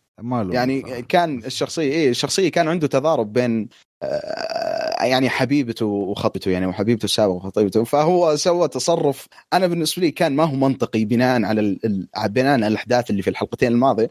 لدرجة إنه كذا صراحة ما جاز لي وقفت قلت اكمله بعدين ويعني ولي شهر ما كملته لكن إن شاء الله ناوي ناوي ناوي أرجع أشوفه لأنه كلام الناس وخاصة كلامكم برضو عبد الله في بودكاست المسلسلات أتذكر. كان إيجابي يعني بشكل كبير ويحمس. لكن الحلقة الثالثة والثانية بالنسبة لي ما مرة ما كانوا رهيبين. ترى أنا ما انتبهت عن إيش تتكلمون. إيه لا لا كنت أتكلم بس إنه عن ما وراء الطبيعه آه. لا يعني إيش يسمونه؟ إيه، شوف بشكل عام يعني ما هو التفاصيل. ترى مرة الثالثة مدمره اي اسوء اسوء شيء. بس الباقي آه، يعني في فيها مرة. جدل يعني عرفت كيف؟ لا هو الثالثة فعلا ما فيها جدل من كثر ما هي سيئة. يعني الكل متفق يعني- إنها هي اسوء شيء سووه. يعني تعرف كذا اللي كان مع الهايب حق المسلسل وفي اليوم الأول واليوم الثاني نزول المسلسل الناس لحد الآن يعني ما اتفق على وش الحلقات الكويسة والسيئة أتوقع ما أدري. فكانت بالنسبة لي يعني الحلقة الثانية برضو ترى فكرة مرة ما جازت لي حلقة الموميا ومدري إيش واللعنة والخرابيط الكلام أي. الفاضي هذا أنا شوفوا ما- ما- كويس ما- في الحلقات اللي بعدها يركز على ال- القصة الرئيسية أكثر. أيوه بالضبط. وهذا اللي كان ودي أسألكم لأنه الحلقة الأولى بالنسبة لي ما أبالغ لو قلت إنها ممكن من أجمل الحلقات. إذا ما كانت أجمل حلقة أولى ممكن شفتها. كذا يا أخي المش- المشهد لما كانوا قاعدين في الصالة مع بعض يتعشون وفجأة طفى الكهرب وبدأ الرعب و... وفجأة صاروا يرجعون للماضي ومع شخصيه شخصية أوكي شخصية شيراز. كذا مع الاسم ال... كانت أفضل مرة لسان. ممتازة. و... إيه. ولو وجه أشوف كذا في الحلقة الثا- الثانية والثالثة أبغى أكمل طيب الأحداث اللي صارت في الحلقة الأولى. لا صار الموضوع شوي مختلف صراحة وأرخص شوي. لكن كلامكم صراحة حمس إنه أرجع أكمل لأنه القصة الأساسية يعني حقت المسلسل نفسه واضح انها مرة مرة ممتازة. وشوف أنا عاجبني إني أنا كنت بتكلم عن المسلسل وعبد الله ما شاء الله. زين؟ لا بس شوف يعني يعني بشكل مختصر جدا. شوف المسلسل صراحة يعني يستحق انه في بعض الاغلاط لازم يداركونها الموسيقى التصويرية في المسلسل خو فلكن ال CG لازم يشتغلون عليه. لازم. خاصة بميزانية نتفلكس اللي ما أدري من وين يابوا كينج كونج يعني ما أدري يمكن أرخص وأكثر شيء basic في الحياة ف لا المسلسل عجبني جدا صراحة. بس يعني وحتى النهاية كانت يعني يعني اشكرها تقول لك إنه في جزء ثاني ولكن وبس يعني والله يعني هالفترة يا أنمي وهالمسلسل أحيانا أحيانا قمت أشوف The Queen's Gambit وصراحة شادني يعني واصل. إن شاء الله يكون شيء يستحق يعني من كثر أنا ما أتابع وايد مسلسلات ولكن ما أدري هذا شدني. زين ما أدري حد عنده أي إضافة على شيء ثاني ولا ننتقل لفيلمنا لهذا الحلقة. ننتقل. زين رجل. المهم آه، فيلمنا لهذه الحلقة فيلم يعني اسمه صار Ma Rainey's Black Bottom قصة الفيلم تقدر تقول آه، يعني بشرح لك قصة عن مغنية يسمونها the Mother of Blues زين كانت موجودة في الثلاثينات الثلاثينات. أيوه. أو العشرينات يعني هو أعتقد إنها ماتت بالثلاثينات. نهاية 1927 كان في نفس جلسة تسجيل.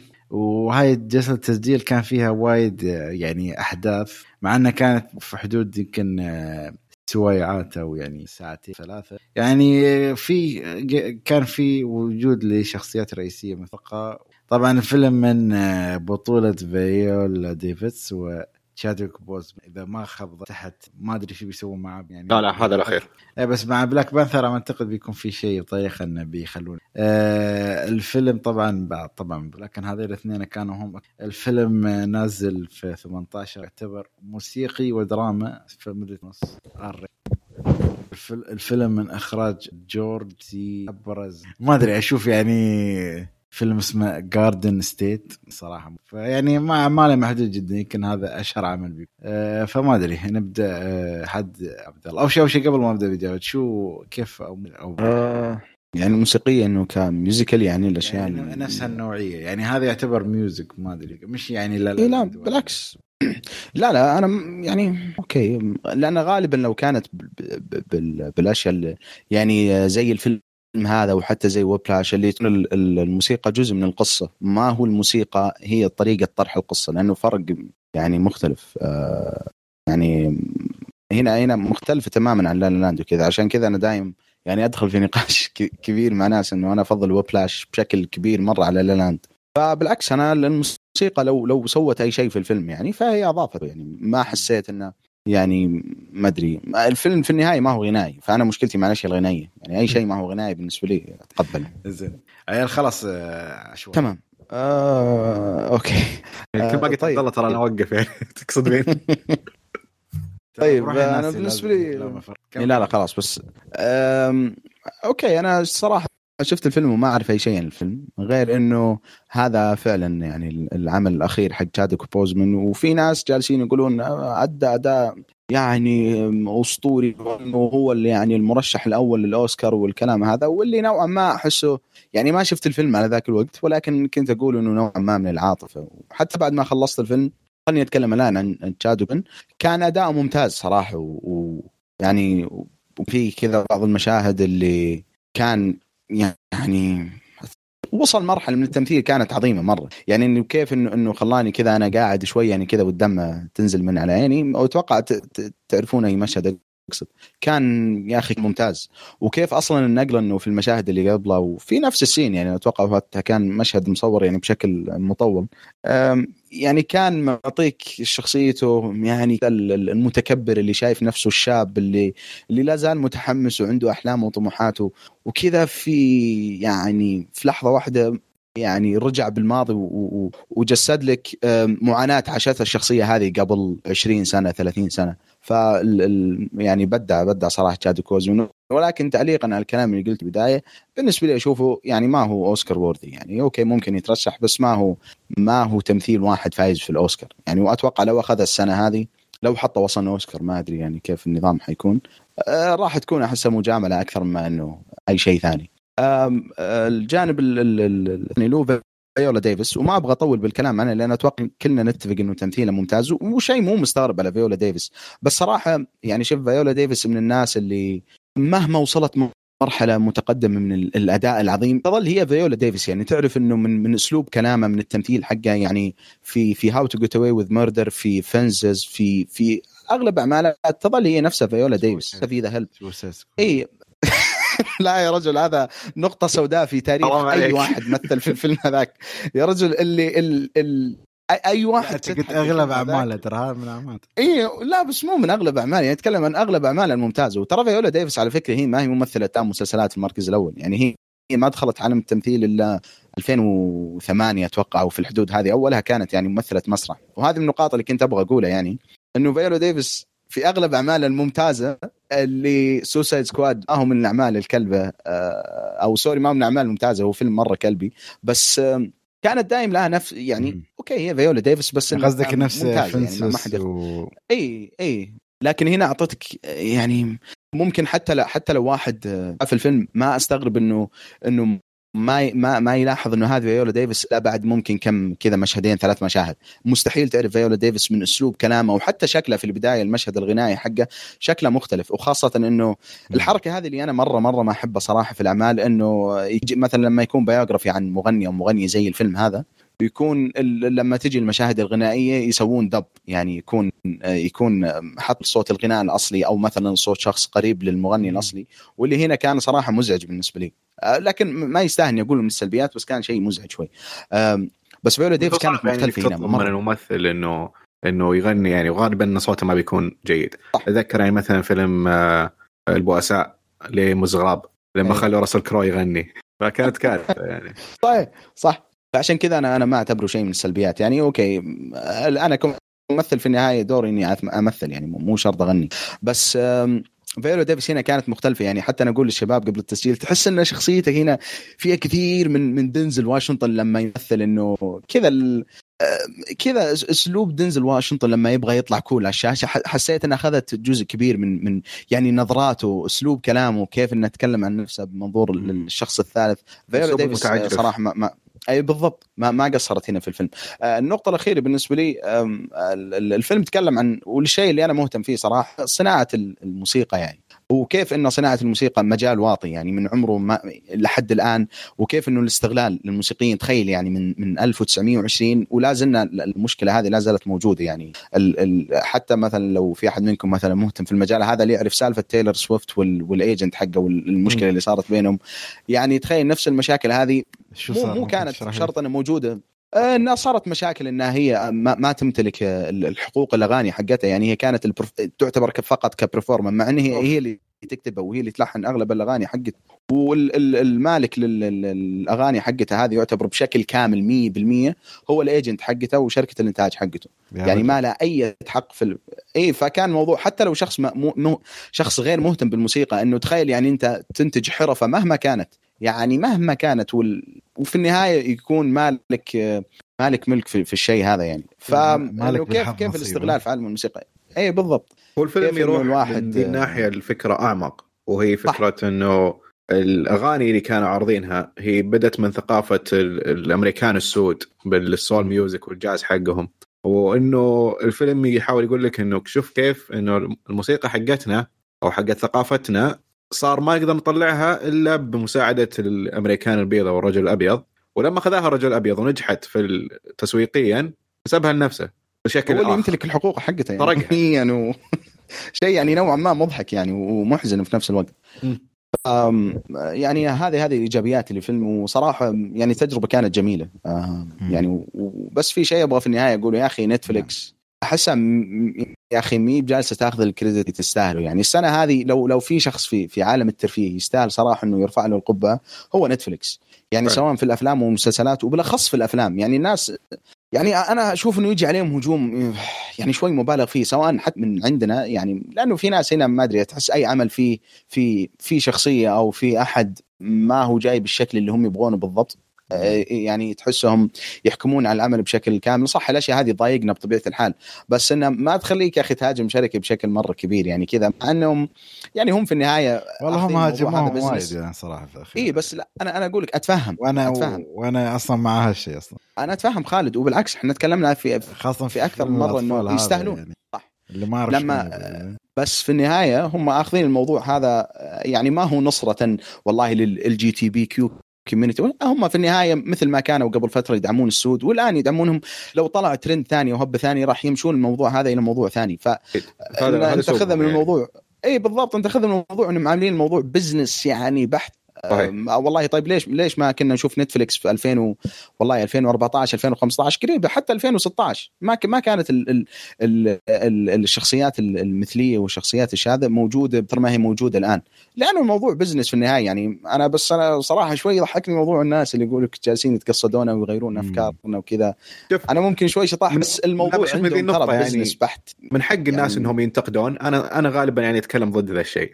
لكن بالأخير هو من حق الأحد إنه ينتقد بال مبادئه هو وإيش يشوفها بس زي ما قلت أنت إنه بالأخير هم شركة يبون أمريكية وتتح... يعني تحاول تعطي الثقافة اللي هم موجودين فيها. يعني ما بيحط لك والله فيلم عربي يعني ويقول لك والله عرفت مع انه لا لا إنه هم حتى يعني شوف نتفلكس صحيح هي بالأساس شركة أمريكية. بس تقدر تقول الآن لأن جمهوره صار global فما صارت لكم المعايير حقتها بالمعايير الأمريكية. يعني حتى مثلا علشان تعرف بس إن الموضوع بالنسبة لهم business بحت يعني ابدا ما ما هو ما هو شيء ترى فعلا انهم مع الشيء هذا. أو حتى ممكن يكونون سووا business في النهاية. إنه مثلا لما نشوفهم ينتجون أعمال عربية أو أعمال حتى آسيوية ما تحسهم يفرضون الأشياء هذه آه، غصب في الأعمال. يعني, يعني مثلا السوق حقك. إيه، بالضبط هي على السوق. حتى الأعمال ترى مو خلينا نقول كوريين الكوريين ترى شوي يعني متامريكين أكثر من من من الشرق آسيويين اللي جنبهم الصين واليابان. بس لما أعمالهم الثانية الأجنبية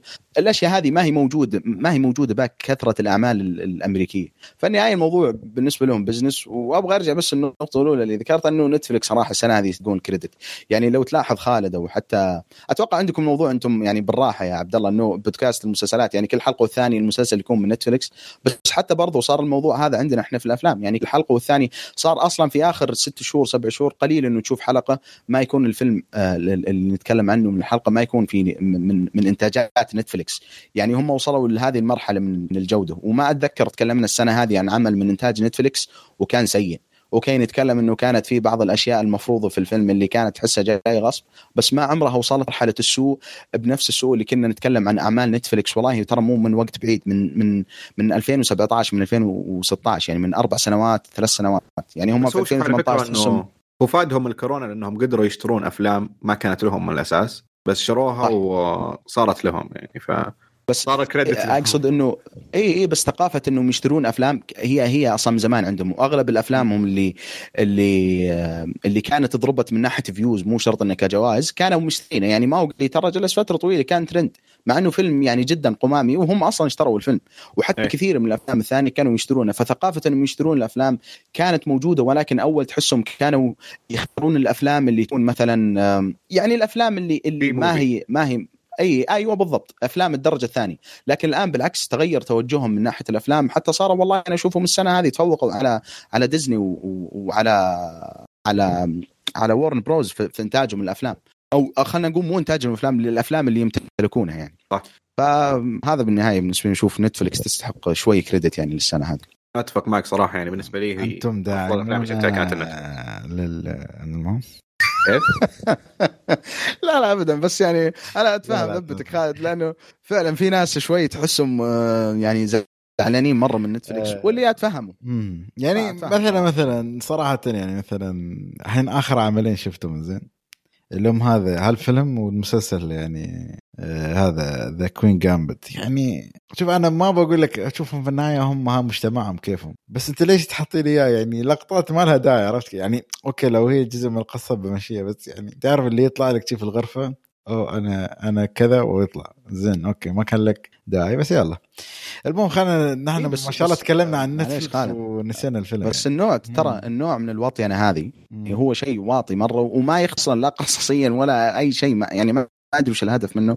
يعني نتفلكس هي ما هي من أول مبتدى فيه. يعني أتذكر مثلا في The Wire في The Sopranos يا رجل في The Wire كانت ال- المشاهد ال- ال- العري ومشاهد الشذوذ كانت مزعجة جدا جدا لدرجة إنه أحيانا بس كانت جزء يا أخي كان جزء من ال okay تقدر توصل لي ان ان المسلسل. اي okay توجه المسلسل لأنه كان أصلا المسلسل عايش في الشارع. يعني. أغلب الشخصيات واصلا الشخصيات اللي اللي من الموسم الأول لحد الموسم الخامس اللي اللي يبغون يمسكونهم يعني بس بدون حرق هي شخصيات من الشارع وإلى الشارع فمو مستغرب عنهم شيء هذا بس أقصد إنه المبالغة بال بال بالمشاهد العري كانت مزعجة صراحة حتى مشاهد. الشذوذ يعني. أتذكر في شخصية من The Wire كانت صراحة مقرفة أمي يعني بس مرة بهذاك كان الوقت مزعج الموضوع. الفكرة من HBO ما كانت آه، خليني أقول إنه بشكل ثاني هي كانت تسويق للقناة نفسها إنه ترى HBO نقدر نسوي اي نبغاه نقدر نحط ناس عراة نقدر نحط مشهد عاري كامل لمده دقيقة كاملة. ما حد ثاني بالتلفزيون كله كان يقدر يسويها. فكان هو التسويق الأول ل HBO على فكرة. آه okay. زي ما أدري أنا أحس انحرفنا جدا عن نتكلم عن الفيلم نفسه. زين؟ زين لا بس يعني okay. عبد الله عطنا شو عندك إيجابيات؟ okay. آه طبعا من أول نقطة أتكلم عنها عبد الله آه كانت آه الممثل تشادويك آه بوزمان. آه هو صراحة ب... يمكن لأني ما شفت أفلام كثيرة. آه أداء بذا الفيلم فعلا هو كان أفضل أداء شفته هذه السنة آه وم- إلى الآن يعني ممكن أشوف افلام أكثر لكن آه إلى الآن هو بالراحة أفضل ممثل هذه السنة بالنسبة لي. الفيلم كان أسلوبه أسلوب مسرحية. وما كنت أدري لكن بنهاية الفيلم قال إنه مقتبس من مسرحية بنفس الاسم. فالأسلوب خلى الفيلم كله يعتمد على أداء الممثلين يعني القصة كلها تنقال من تعابير وكلام الممثلين نفسهم التصوير طبعا ما كان يزيد أي شيء إلا إنه ممكن أحيانا يقلل جودة الفيلم. بتكلم عنها بالسلبيات أكثر. آه، بس من ناحية الممثلين وخصيصا تشادويك وفايولا ديفيز وما يهونون الباقيين كلهم كلهم كانوا ممتازين. آه، ال cast المساعد. آه، كلهم أدوا أداء اللي مرة بارع بسبب أسلوب الفيلم اللي 100% معتمد على الممثلين. آه، فتشادويك بالم- بالمشهد اللي يتكلم مع عنه عبد الله بعد أو مشاهد كثيرة ما هو بس المشهد. أنا لما شفت المشهد هذا ولما جلس يتكلم الشخصيه بطريقة ممكن سلبية شوية بتكلم عنها برضو بعدين لكن تجاهلت كل شيء سلبي فيها بسبب أداء الممثل. انه من ناحية الإخراج صح 100 سلبية 100% سلبية. لكن التمثيل تفوق بشكل مرة كبير على كل السلبيات اللي فيه. وخلاها أوكي أبغى أشوف زيادة مشاهد زي كذا لأن الممثلين المختارينهم مبدعين مرة مرة مبدعين. فكل مشهد كان خطأ من ناحية كتابة ومن ناحية إخراج. عوضه آه، مهارة وإبداع الممثلين آه، منهم آه، جلين تورمان اللي كان دور توليدو وأكيد فايولا ديفيس. طبعا ممكن كلامي بالسلبيات بيكون أكثر من الإيجابيات بس صراحة الفيلم أدى الفكرة اللي بي- اللي بيطلعها من ناحية سرقه الموسيقى من ناحية ال- ال- الكلمة اللي الكلام اللي يتكلم عنه عبد الله إنه استغلال المنتجين للمغنين والمنافسة اللي يصير بين. الأعراق أو المغنين نفسهم مع المنتجين عشان يطلعون شيء تعبهم بالأخير ينسرق منهم أو ما يكون لهم كريدتس آه فالفيلم أدى فكرته بشكل ممتاز قدمه بشكل مرة حلو يعني وعجبتني وكان ممتع آه ممتع ممتع مرة يعني ساعة ونص ممكن كانت قليلة آه لكن ما حسيتها آه مملة ابدا في ولا لحظة. آه كان كله شايل الحوار وتقريبا كان في مكانين صالة الاستديو والمخزن اللي كانوا جالسين فيه. وكان كافي إنه يعرض لك القصة ويعرض لك ثلاث شخصيات في ماضيهم أو أربع شخصيات بماضي الشخصيات كامل صح بطريقة رخيصة اللي هي من الحوار بشكل كامل فيه. لكن أدى الواجب إنه يقدم لك قصة المفروض إنها تكون مسرحية. قدمها بس بالسينما لكن لو قدمها بأسلوب مختلف مثلا آه، شفتوا هاملتون هذه السنة؟ هاملتون مسرحية وصوروها كأنها مسرحية صوروها من المسرح نفسه وعرضوها كفيلم. أحس لو سووا الفيلم هذا بنفس الأسلوب كان بيكون أفضل بكثير. لأن سلبياته من ناحية الإخراج كفيلم سينمائي. زين. والله شوف يعني أنا اللي عجبني في الفيلم يعني حسيت إنه في دمج يعني بطريقة أو بأخرى يعني يعني هو شوف فيلم تعرف حوارات المبنيه كلها على يعني تعرف كيف لما تتعزف okay يكون بدمج بين الموسيقى والحوارات عرفت كيف؟ يعني بطريقة أو بأخرى يخليك تتحمس يعني أو أو شيء يعطيك إيقاع حلو مع مع الحوار خاصة على حسب الحوار. إذا كان حوار له علاقة بال مثلا يقول لك شخصية تشادويك بوزمان كان شيء يعني يعطيك من النوع اللي يطرب الواحد أو شيء يعني ويوصل وجهة نظره. أو النوع الثاني اللي يكون مثلا آه، مع فيولا ديفيس بس اللي عجبني بعد أكثر طريقتهم في كيف أقول لك الفيلم اللي وهو يشرح لك آه، شو يسمونه؟ اللي استغفر الله اللي هو فيلم المكان الواحد. يعني أول مرة يمكن أشوف فيلم المكان الواحد مع موسيقى في حياتي كلها. فحسيت إنه وايد وفقوا في أشياء. وتمثيل طبعا تشادوك بوزمان وفيولا ديفيس طبعا لا يعلى عليه. وال tension اللي تحس تعرف الموضوع جدا هو بس موضوع إنه يسجلون آه، ألبوم أو أغنية. فالمفروض إن الموضوع كله ما في tension عالي بس يعني من ردات الفعل كل حد الشخصيات الرئيسية أو الشخصيات اللي في الاستديو اللي هم اللي استأجروهم أو أو اللي عملوا معهم contract مع شخصية شادوك على شخصية فيولا على على على الأفكار اللي كل واحد يحاول يطرحها و وكيف طرحهم المواضيع العنصرية بطريقة يعني إذا كانت من الست ما كانت واضحة أو استغفر الله اللي كانت واضحة ومن القصص اللي كانوا يحاولون يطرحونها عشان إيصال فكرة معينة يعني كان كان أحس فيها بعض من الجمالية الفيلم. أه الموسيقى نفسها يعني شوف هي على من ناحية النزاع. أه صراحة عجبتني من أول نزاع سووه لما تأخر واحد من الفرقة. فهنا أعطاك okay أعطاك background لواحد من الشخصيات. عرفك إنه مم... إيش ممكن يصير نزاع بينهم وإيش ممكن يصير في هواش. فكان في سلاسة مرة. صحيح. إنه ي... ال... لما يتصاعد الأحداث بين الفرقة وبين الإدارة حقت الاستوديو. آه بس هنا كان في مشكلة إنه هي مشكلة أدت لشيء كويس. إنه لما الشخصية تبدأ تتكلم عن موضوع معين عادة الدخلة حقتها تكون forced شوية يعني مو مو طبيعية. عرفت؟ تكون يتك... okay هم يتكلمون يتكلمون في موضوع بس يجي واحد يتكلم بكلمة ويقول سؤال أو أي شيء كذا نوعا ما خارج عن النص أو عن السالفة اللي كانوا يتكلمون فيها عشان الشخصية الثانية يعطيك خطاب طويل عن موضوع مهم للشخصية أو للقصة. صح بدايتها سيئة من ناحية كتابة بس الطريقة الممثلين اللي أدوها فيها وزيادة على كذا الكتابة من ناحية نص الكلمات المختارة والاسلوب اللي يشرح فيه القصة. كانت جدا عظيمة صراحة. صح إن في بعض الردات الفعل اللي تحس مسرحية مثلا أو أو اوفر بزيادة مثلا أو يعني يعني مبالغة فيها. بس يعني هاي يمكن عشان يخدم لك وجهات نظر القصة لأن القصة صح إنه ممكن مأخوذة من شخصيات حقيقية بس ما أدري إذا الحدث نفسه حقيقي ولا لا صراحة ما تشيكها. أه بس أنا أعتقد ممكن يكون مبالغ فيه يعني بس ولكن يعني في النهاية أنا ما تأكدت من المعلومة يعني. إذا كان الحدث نفسه حقيقي ولا آه، الشيء الأخير اللي كنت بتكلم عنه بس آه، يعني أنا صراحة حبيت آه، فكرة الفيلم. يعني تمنيت إن كيف أقول لك؟ يعني مثل ما قال مثل ما قال عبد الله إنه يا أخي مع إن الفيلم قصير بس تحس تبغى زيادة منه ما في ليش. خاصة إنه ما شفت ردات فعل وايد بين فيولا وتشادوك إلا على نهاية الفيلم. يعني أنت الانتراكشن مالهم بداية الفيلم كانت جدا بسيطة يعني. آه، فهي ايجابيات الفيلم. آه، نرجع ل العشوائي مرة ثانية نشوف شو سلبياتك. أه والله سلبياتي مو كثير يعني صراحة الفيلم كان قصير واستمتعت فيه بس ممكن السلبية الواحد اللي شوي ضايقتني اللي هي كانت كان في بداية الفيلم لما كانوا الأعضاء الفرقة قاعدين كذا في القبو يعني قبل قبل ما يبدون يتدربون على بعض الموسيقى والأغاني يعني كذا كان في مشهد يعني مسرحي مرة بحت يتكلمون عن تاريخهم الموسيقي والكالرد مان وال... وأن الحقوق الكالرد مان يعني أنا مو مشكلتي مع مع الكلام هذا أنا مشكلتي مع إنه كان كذا داخل بالغصب يعني زي ما قال عبد الله في واحد من النقاط. ما كان كان شوي يفصل.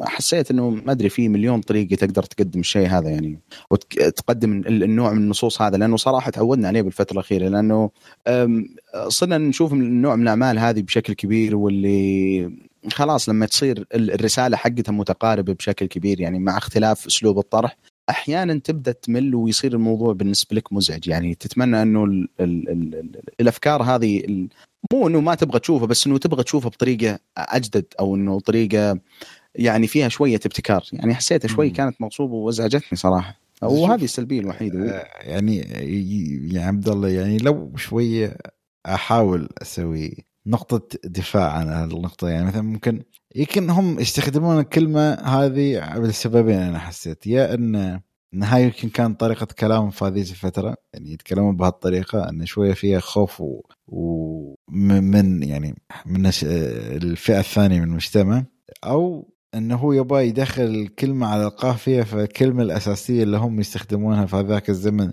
ما تنفع إن تنقال عشان تدخلها في قافية غنائية معينة عرفت كيف؟ ما أدري. فاهم كلامك. فاهم فاهم كلامك. بس أنا صراحة أنا اعطيك أنا الحين أعطيك وجهة نظر ما أعرف إذا هي حق إذا هي صحيحة ولا لا عرفت كيف؟ والله شوف سواء يعني صحة هذا أو لا أنا اتفهم يعني اتفهم مليون في المية.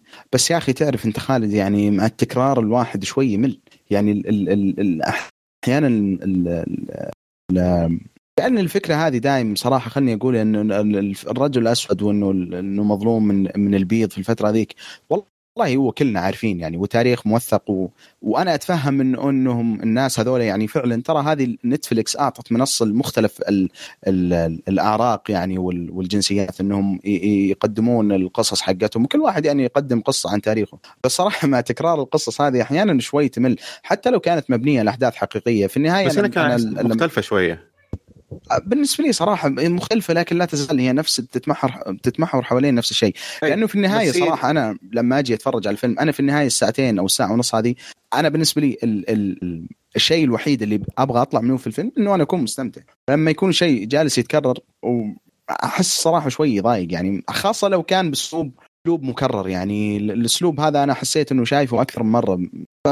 كان كان شوي مزعج بالنسبة لي صراحة.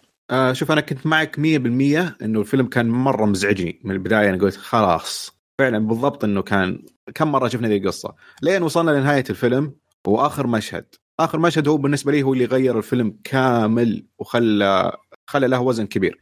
آه واحدة من الأشياء اللي عرفتها هذه السنة إنه موسيقى الروك أساسا مبنية على البلوز. والبلوز آه أساسا فن للسود الأمريكان. لكن من الرو... من فترة معينة وخلاص صار الروك يعتبر فن للأمريكان البيض أو للبيض عموما.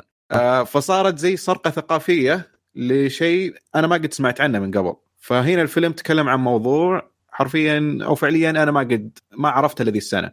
فهذا اللي يقصد إنه كان في شيء جديد هنا كان في قضية جديدة. بس فعلا وأنا ما ترى ما أقصد المشهد اللي في النهاية عبد الله وما أتكلم عن أي شيء.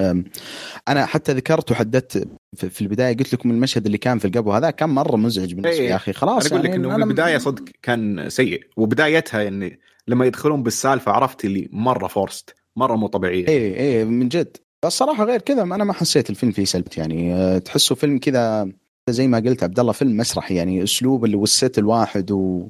وكان جميل وأنا أحب النوع من الأفلام هذا يعني. Fences بالنسبة لي برضو اللي كانت فيه فيولا ديفيس كان واحد من أجمل الأفلام اللي شفتها في حياتي. برضو هذا الفيلم كان لطيف لطيف ومن أعمال السنة الجميلة يعني من الأشياء الجميلة اللي اللي نتفلكس تختم فيها السنة هذه. زين عبد الله عطنا سلبياتك. أنا سلبياتي كانت بالإخراج عموما. أه ونفس النقطة إنه الفيلم كان مسرحي وتحس إن المخرج ما كان يدري إيش يسوي. هل هو يسويه زي المسرحية بالضبط ولا يخليه شوية سينمائي؟ ف عموما خلاه زي المسرحية بس في لحظات حاول إنه يخليه سينمائي. وطلعت مرة غلط. آه مثلا آه لما تدخل الموسيقى كانت ما أدري شوية غلط الفكرة. يعني ما أحسها كانت راكبة على نقلات المشاهد. آه فكرة ثانية إنه في واحدة من المشاهد المهمة بالفيلم لما واحدة من الشخصيات تتكلم عن ماضيها. آه فتشوف الكاميرا على طول تختفي وتركز على ذي الشخصية. ويروح الباقي. فهنا صار مرة سينمائي. أحس لو إنه بقى على جو الإخراج اللي كان شبيه بالاخراج المسرحي كان بيكون أفضل للفيلم عموما. بس ممكن للفيلم أو لأداء الممثل ساعده إنه ي... إنه يخليه سينمائي أكثر. فما أدري هي يعني سلبية للجو العام بس إيجابية إنه اعطت أداء الممثل آه، قوة أكبر. فما ما أحس إنه في سلبيات كثير غير هذه النقطة إنه الفيلم أحسه ضايع بين السينما وبين المسرح يعني شوف آه، أنا متفاهم نقطتك بس أنا ما أدري يعني, آه يعني okay يعني أشوف okay صح كلامك بس ولكن يعني أنا ما شفت هالشيء يعني بالعكس حسيته يعني نقطة قوة بالنسبة لي إنه ممكن يرضي الطرفين عرفت كيف؟ يعني يعني أنا قصة المسرح يعني ما ركزت عليها وايد بكثر ما ركزت على مثلا أداءات الشخصيات الثانية اللي في الفرقة وخاصة يعني ما أدري حسيت في واحد يعني ما كان له داعي. في أفعال يا أخي شوف أي يعني واحد حق البيس؟ اللي كان كل ما كل مشهد مهم يقوم يلف وجهه. زين.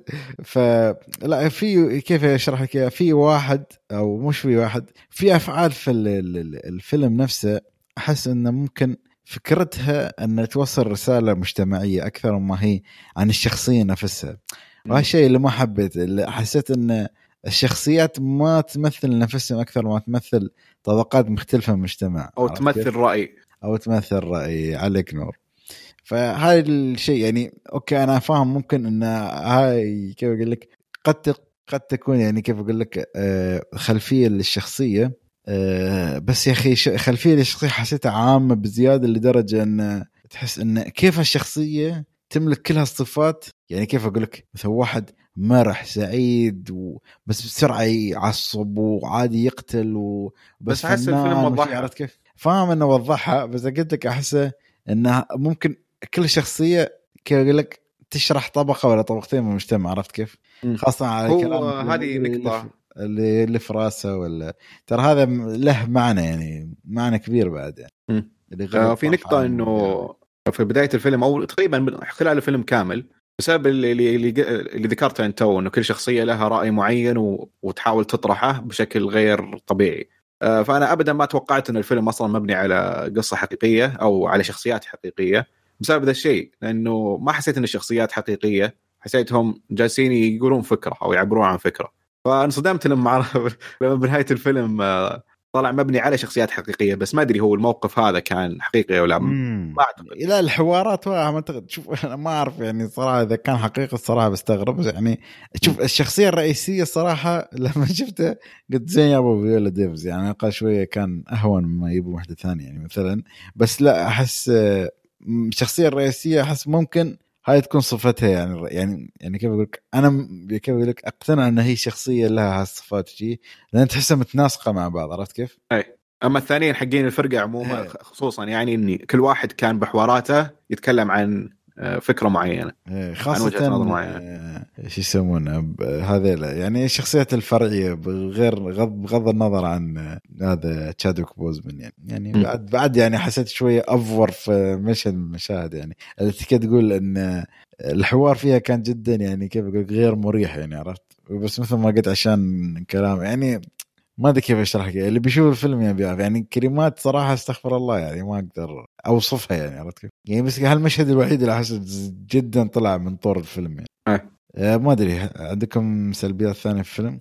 أنا خلصت عبد الله بس أنتوا بس قبل ما تشوفوا الفيلم يعني حتى طبعا ما أنا صراحة ما شفت الدعاية بس يعني شفت إنه هو من الأفلام الجديدة بس هل توقعتوا إن الفيلم أنا توقعت الفيلم يكون biography عنها بس انصدمت لما إنه هو عن يعني حدث واحد في مكان معين وهل ممكن حمسني زيادة للفيلم يعني أنت شو؟ أنا ما قد قريت عن الفيلم من قبل آه وما أعرف آه Ma Rainey اسمها ما هي ما... آه ما قد سمعت عنها من قبل فما كنت أدري أصلا إنه biography أو عن شخصية حقيقية أو شيء كذا هو أنا أحس أفضل إنه ما ركزوا على إنه يقولون قصتها يعني آه، عبد الله كنت تقول شيء؟ آه لا برضه نفس الشيء يعني ما ما كنت أعرف أي شيء عن قصة الفيلم ولا شفت trailer ولا أي شيء بس إنه كنت أعرف إنه يعني في كلام على اداء تشادويك بوزمان في الفيلم وحتى ما كنت أعرف إن فايولا ديفيس موجودة فيه يعني بس ما حسيت يا أخي جسمه كان غير طبيعي في الفيلم يعني يعني كان تأثير هذا واضح ما أعتقد عليه. ولا؟ اي كان نحيف مره إيه كان ما شاء الله كيف كان كثير من. Black Panther يلا بس أنا أعتقد إذا ما خاب ظني مارفل قالوا بيتمون يكملون بالشخصيه يعني نفس الشخصية ولا؟ يعني تشادويك بوزمان بيكون موجود بس أنا أعتقد ك CG ولا شيء ما أعرف أنا قريت إنه ما بي... ما بيغيرون الممثل بس ما أدري عادي إذا بيقتلون الشخصية ولا بيخلونه يمثل ك CG ولا ما أعرف صراحة ما أعتقد. أتمنى إنه لا يعني أنا صراحة أشوفها غير أخلاقية إنك يا رجل ديزني غير اخلاقي إيه. ما تتذكر لما سووهم مع حقت Star Wars اي. فعلا شيء كانت موجودة في صراحة. الثلاثين ما- لكن أنا شخصيا يعني كتفضيل شخصي صراحة أفضل إنه يعني خلاص الرجال الرجال ودع يعني. إيه، يعني ما- صدق. ما- ما أشوفه أبداً يعني من يعني. ها- بالعكس هاي أصلا أفضل فرصة يعني مو أفضل ما أستغفر الله ما أقول أفضل فرصة يعني. يعني الحين تقدر تغير لأنك لو كملت بالزيادة بتخرب أم السالفة عرفت كيف؟ يعني هو مثل فيلم واحد. فالفيلم الثاني يعني أحس كان في أمل يبون مايكل بي جوردن بطريقة أو بأخرى يعني كيف؟ لكن تصدق أتوقع ممكن ديزني آه، مثلا يخلون كذا أول ربع ساعة أو اول عشر دقائق من الفيلم إنه يكون آه، مثلا نشوف Black Panther في مهمة أو في مثلا إنه الشخصية مثلا يقتلون الشخصية سبايدر مان و3 وخرب أم العيد وياب لك Black Panther ثاني و...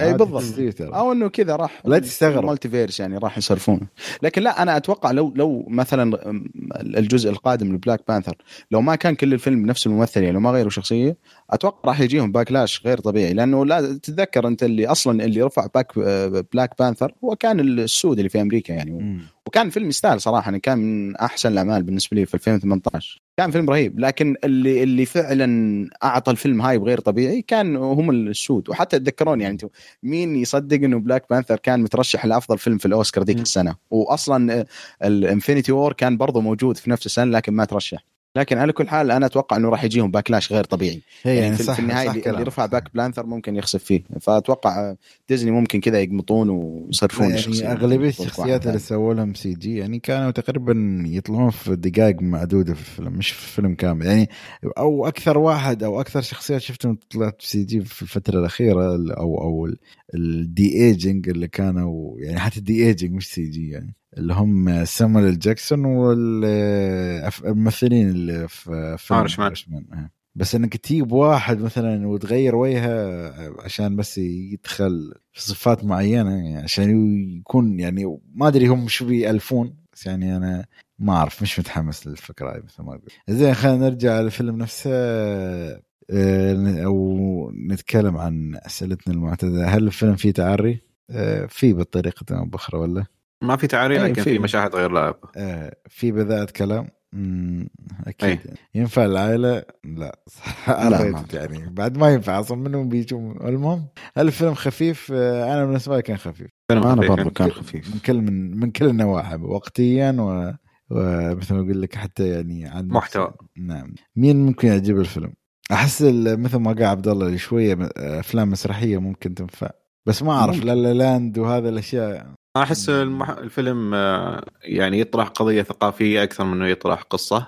آه، فأحس المهتمين بالأشياء الثقافية وخصيصا ثقافة السود في أمريكا وبالعصر هذاك. وتأثيره طبعا 100% على العصر الحالي موجود لسه. بس آه، الجمهور الأول أحس اني مهتمين بالثقافة ال- السود الأمريكان.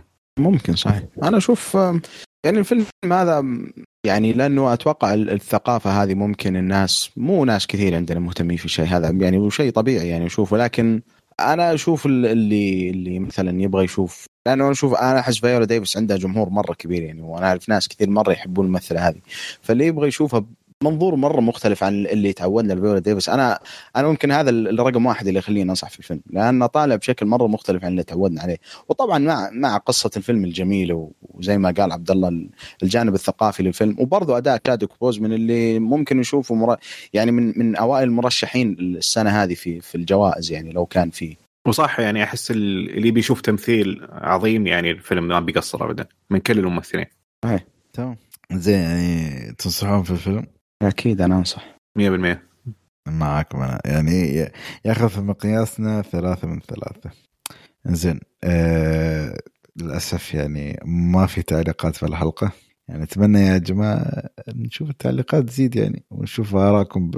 عن أفلام 2020 بما انه خلاص لي فترة التعليقات ناقصة ظاهر مع الاختبارات. ممكن. إي مع بس اختبارات الحين- الشباب ممكن يعني. الحين طبعا يعني على الم- المعلومية. هاي بتكون آخر حلقة في سنة 2020 الأفلام. فإن شاء الله الله يجعل السنة الجاية سنة سعيدة ويبعد عنا الأمراض والأوباء وتكون سنة ترجع فيها البشرية لحياتها الطبيعية. ما أدري ليش تي رجعت ما أدري أشياء الختامية. أحس وايد كئيبه زين؟ آه، فلا يعني إن شاء الله وتكون آه، بداية سنة سعيدة علينا وبما أن هاي آخر حلقة. وأعطونا ارائكم عن أفلام 2020 يعني. ما أدري اللي كان يقول أفلام 2000 س- 2017 اسوء سنه احس يعني ما له حق الحين يتكلم. ما في مقارنة. ابدا يعني. لا ابدا. زين آه عبد الله أي كلمة تبغى تقولها أخيرة؟ آه كل عام وأنتم بخير. إن شاء الله يا رب إنها تكون سنة يعني بكل سوءها إن شاء الله إنها عدت عليكم بخير. واقل ضرر. وما ما آه إن شاء الله نشوفكم السنة ال- الجاية تكون سنة سعيدة. ما تبي دعاية المسلسلات شيء آه. لا الصراحه إحنا بالمسلسلات الحين آه، نفسنا بالبودكاست. ما عندنا شيء نتكلم عنه. آه، فاختيارات أفضل مسلسلات السنة أنا متورط يعني ما أدري إيش أختار حرفيا. ما عندي إلا حق شو اسمه آه، مايكل جوردن. حرفيا ما في مسلسل. بس عموما. حلقتها نزلت المسلسلات الأخيرة. كانت حلقة خفيفة ما فيها مسلسل حلقة لكن حلقة ممتعة. قلت حلقه أنا تحسب تقول في حلقة مسلسلات ما كان فيها مسلسل. قلت أيوه. ما كان فيها مسلسل حلقة. بس فيها ثلاث آه. مسلسلات ثانية. تمام. عبد الله عندك شيء؟ بما أنك أنت غبت فترة يعني. آه والله أول شيء يا أخي شعور والله جميل يعني الواحد يغيب بعد ويعني وسبب الغياب كان الاختبارات والحمد لله يعني عدت على خير السنة هذه يعني. صح الله يوفقك أتوقع- جميع طبعا. إي والله الله يوفق أوكي. الشباب اللي اللي اللي, يختبرون الآن واللي خلصوا مختبرين مبروك و... وإن شاء الله إن شاء الله السنة الجاية هذه تعوضنا عن كل اللي صار في السنة هذه يعني. أتوقع سنة كانت صعبة على الجميع يعني. يعني مين كان يتخيل إنه العالم كله يجلس كذا أربع شهور خمس شهور كل كل العالم يعني بدون استثناء من داخل البيت؟ ف إن شاء الله إن شاء الله السنة الجاية تعوضنا وسنة سعيدة وتنسينا كل شيء صار. أنا. يعني السنة هذه كانت والله مرة صعبة. إن شاء الله السنة القادمة تكون أجمل. إن شاء الله. آمين. آه، وبهالكلام الجميل إن شاء الله. نختم حلقتنا وان شاء الله تكونوا استمتعتوا معنا في الحلقة. لا تنسون تعطونا تع- تقييماتكم على الموقع أو تويتر وأعطونا تقييماتكم لنا على صفحتنا في iTunes. ولا تنسون تتابعونا على يوتيوب الشباب هناك شغالين حرق. Attack on Titan على ال reviews على unboxing على كل شيء في الحياة. آه، ونشوفكم إن شاء الله الحلقة القادمة على ألف ألف.